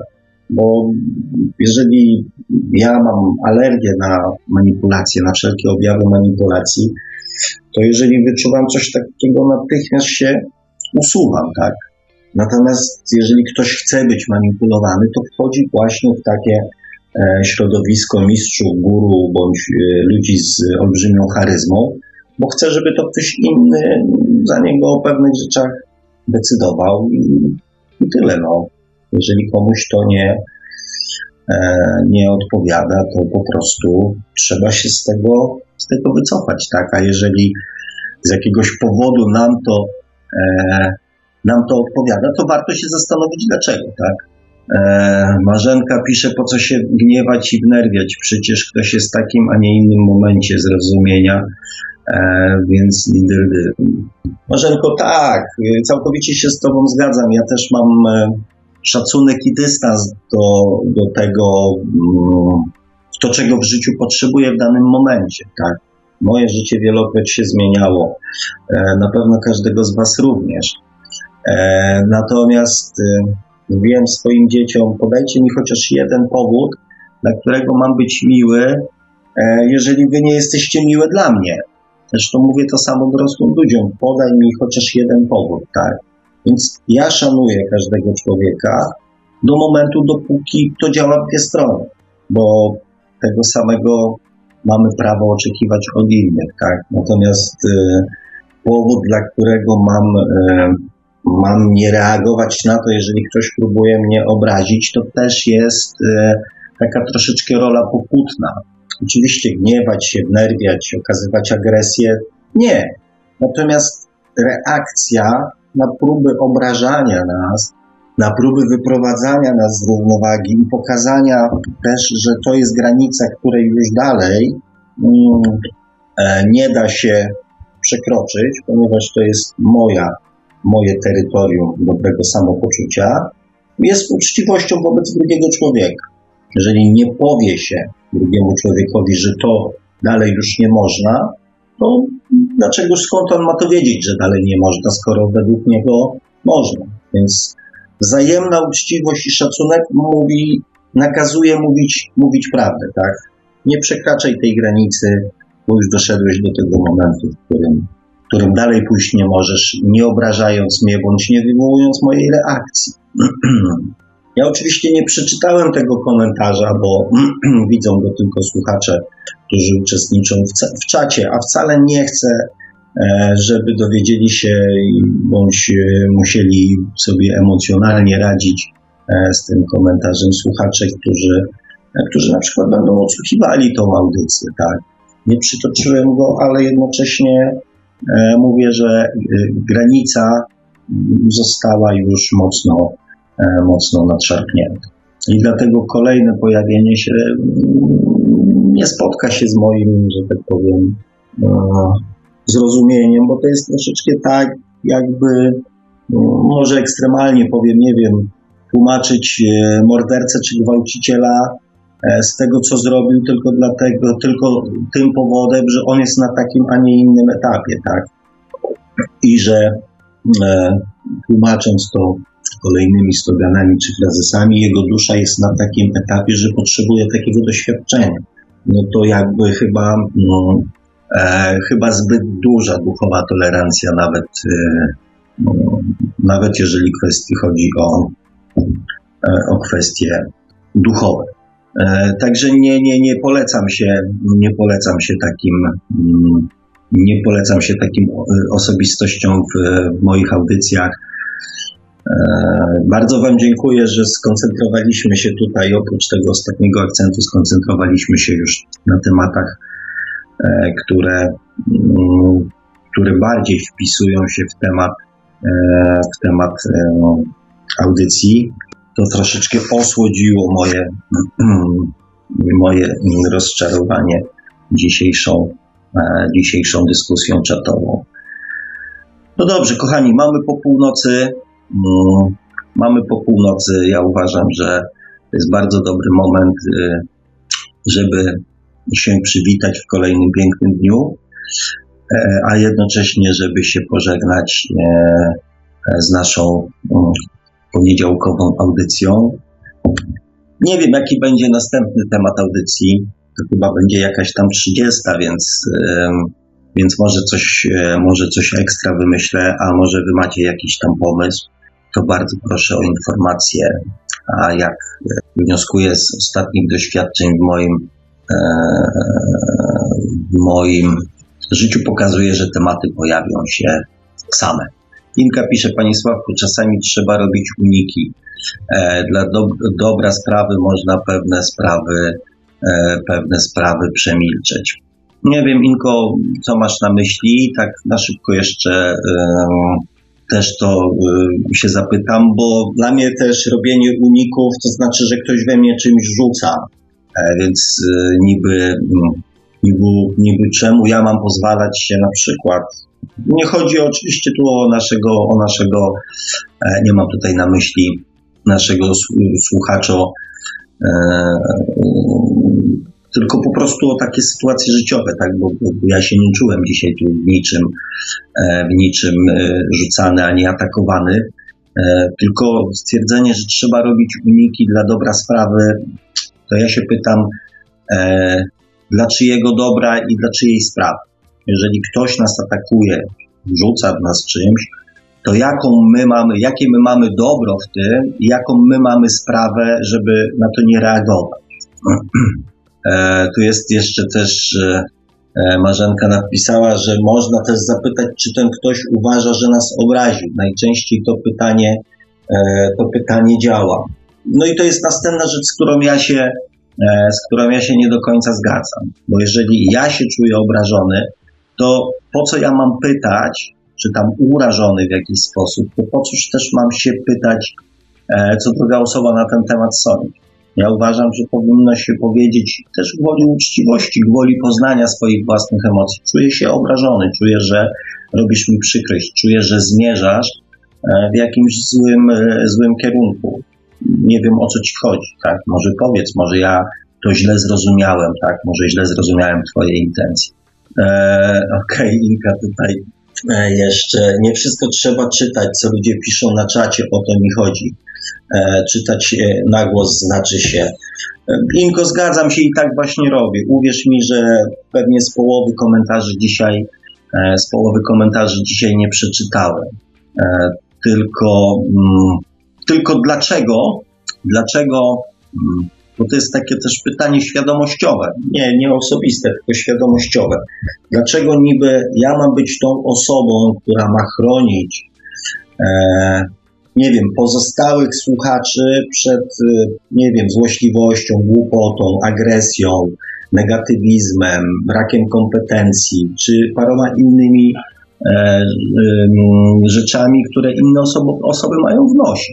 Bo to też z mojej bo to też mi zalatuje na taki egoizm, tak? Ktoś sobie usiądzie przed komputerem, ktoś sobie y, usiądzie przed komputerem, będzie sobie coś tam klikał na komputerze, nie wiem, oglądając telewizję, y, albo nie wiem, jedząc chipsy, i zupełnie bezkarnie obarcza mnie tym, że na przykład czegoś nie, prze, nie przemyślał, tak? I teraz ja muszę to przeczytać, muszę to wyrzucić, muszę to przeanalizować, e, muszę zobaczyć, czy nie ma dalszego ciągu, muszę się doszukiwać, nie wiem, znaków przestępowych, tylko dlatego, żeby, nie żeby przekaz, który daje innym ludziom, którzy, będą, którzy tego słuchają, będą słuchali jutro, za tydzień, za miesiąc, był jak najbardziej czytelny. Dlaczego nie mogłoby się to odbyć naszym wspólnym wysiłkiem? Wspólnym, nie tylko moim, ale wspólnym. Dlaczego ktoś, kto pisze te komentarze, nie może podejść do tego tematu podobnie do mnie? Że to jest jednak mimo wszystko nasze wspólne przedsięwzięcie, nie tylko moje, bo ja nie jestem tutaj dla siebie. Chodzi mi o to, żebyśmy coś wspólnie tworzyli, a nie się tutaj. Um, znaczy, chodzi mi o to, żeby też ludzie, którzy piszą, żebyście kochani ci, którzy piszecie komentarze, mieli w głowie to, że ja to w jakiś sposób staram się przekazać też innym ludziom. Że ta dyskusja nie kończy się w dniu dzisiejszym, bo tą dyskusję pan Marek dzisiaj w nocy obrobi i wrzuci na YouTube'a. I ta audycja będzie odsłuchiwana później przez ludzi. A ja mam zrobić z tego tak, żeby ludzie coś z tego zrozumieli. Więc e, wydaje mi się, że jak na audycję na żywo i na to wszystko, że to się dzieje e, wszystko online, w czasie rzeczywistym, troszeczkę dużo ode mnie oczekujecie. Oczekujcie też troszeczkę od siebie. Miejcie świadomość tego, że to za chwilę wyląduje na YouTubie i nie skończy się tylko na, na, na tym, co jest napisane. E, dobrze, to się. Dobra, bo się znowu tutaj przewinąłem niebezpiecznie do samej góry. Gugłaty pisze, a może Inka miała na myśli, żeby e, nadstawić e, drugi policzek. A mi się bardzo podoba, że są czytane wszystkie komentarze. No, no właśnie, jeszcze się taki nie urodził, co by wszystkim dogodził. Marzenka, mnie ciężko obrazić. Często nie wchodzę w dysputy kogoś, kto się o to stara, bo to nie ma sensu zupełnie, e, a i często czuć, e, czym się ta osoba kieruje, więc nie ma sensu. E, a ja nie czuję, abym taką, taką osobę uświadamiać, w jakim położeniu jest, bo i tak nie zrozumie, a upokarzać nie będę, bo po co. Jest to jakaś E, ciekawa forma e, współistnienia. E, Inka pisze jeszcze, Panie Sławku, przemilczeć dla dobra audycji jednocześnie Pana. Tylko o to mi chodzi. Dziękuję Ci bardzo. To miłe, że ktoś tu się jeszcze moją osobą trochę przyjmuje. Ale znaczy ja się zgadzam, że, że że dla dobra audycji jak najbardziej i też y, dla dobra audycji, dla dobra słuchaczy. Też chodzi mi, mi przecież o to, żeby, żeby to miało jakiś tam sens, żeby to się dało słuchać i, i z tego korzystać, tak? E, dlatego się tak czasami też morduje, ale mówię, no, przychodzi taki moment, że ja też jestem zmęczony. I weźcie to proszę Was bardzo pod uwagę, że ja też jestem troszeczkę momentami zmęczony i E, I nie obarczajcie, nie wrzucajcie mi aż tak bardzo e, tego, no, tego na głowę. E, pisze, bo one są po to pisane publicznie, żeby były czytane, prawda?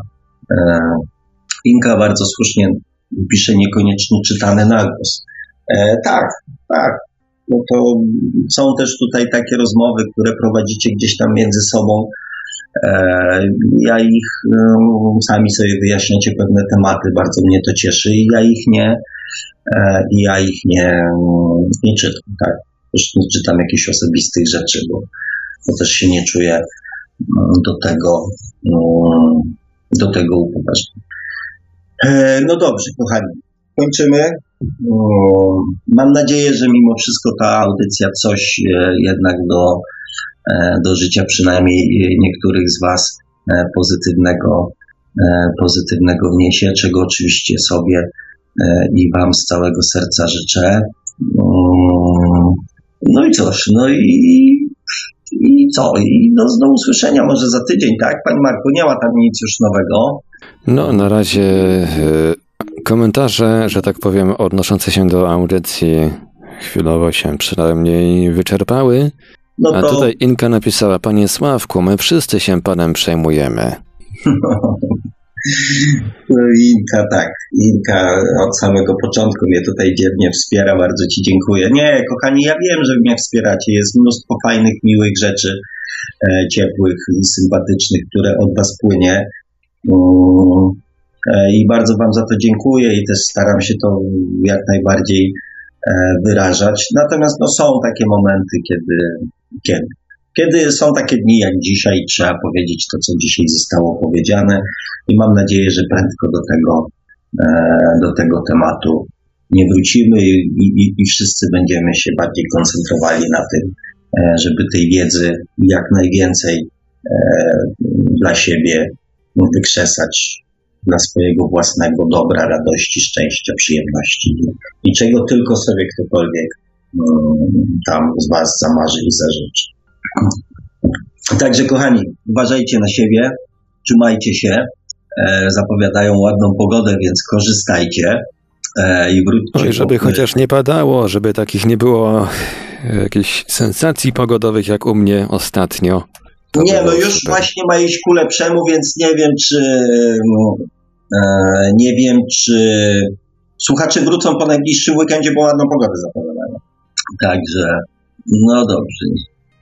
Dobra, Panie Marku, kończymy. E, dziękuję Panie Marku jak zwykle za cierpliwość i, i za pomoc tutaj, e, bo widzę, że się pojawiły następne mm, komentarze, więc znowu możemy, e, znowu możemy wyciągnąć mm, nie wiadomo do której. Także kochani, wszystkiego dobrego. Jeszcze raz dziękuję Wam za te ostatnie miłe słowa. Dziękuję Panu Markowi, dziękuję za dzisiaj i do usłyszenia w następny poniedziałek, bo za tydzień to by było źle powiedział. No, tutaj Kudłaty yy, napisał, wrócimy, to pewne. Okej, okay, dobrze, dobrze. Trzymam za słowo, ja też wracam. E, pan Marek jest tutaj konstansem, więc w ogóle go nie pytam. Także do usłyszenia, do usłyszenia. Trzymajcie się i dobrej nocy. A mówił do słowa do Państwa jak zawsze gospodarz audycji Świat oczami duszy oraz autor wideobloga na YouTube o takim samym tytule Pan Sławek Moczkowski. Przy tej okazji oczywiście tradycyjnie zachęcamy do sięgnięcia po książkę pana Sławka Czy można oszukać przeznaczenie, czyli po co człowiekowi dusza. Audycję jak zawsze obsługiwał od strony technicznej Marek Sękiewelios, Radio Paranormalium, Paranormalny Głos w Twoim domu. Dobranoc i do usłyszenia ponownie w kolejnym odcinku już za tydzień. A teraz jeszcze parę słów, właściwie jedno słowo, taki cytat internetowy, klasyk internetowy w odpowiedzi na to, co pewien słuchacz, e, który dostał pięć blokad dzisiaj na czacie na, na YouTube, yy, wyczyniał, wypisywał pod naszym adresem jakieś różne brzydkie rzeczy, pod adresem moim, pod adresem Jubiego. Zacytuję e, pewien wywiad z Leroyem, właściwie prezentera, który robił wywiad i musiał też jakieś dziwne, brzydkie rzeczy wysłuchiwać od słuchaczy telefonicznych. Pozdrawiamy, papa, życzymy Ci tego samego radiostacja. Produkcja i realizacja Radio Paranormalium www.paranormalium.pl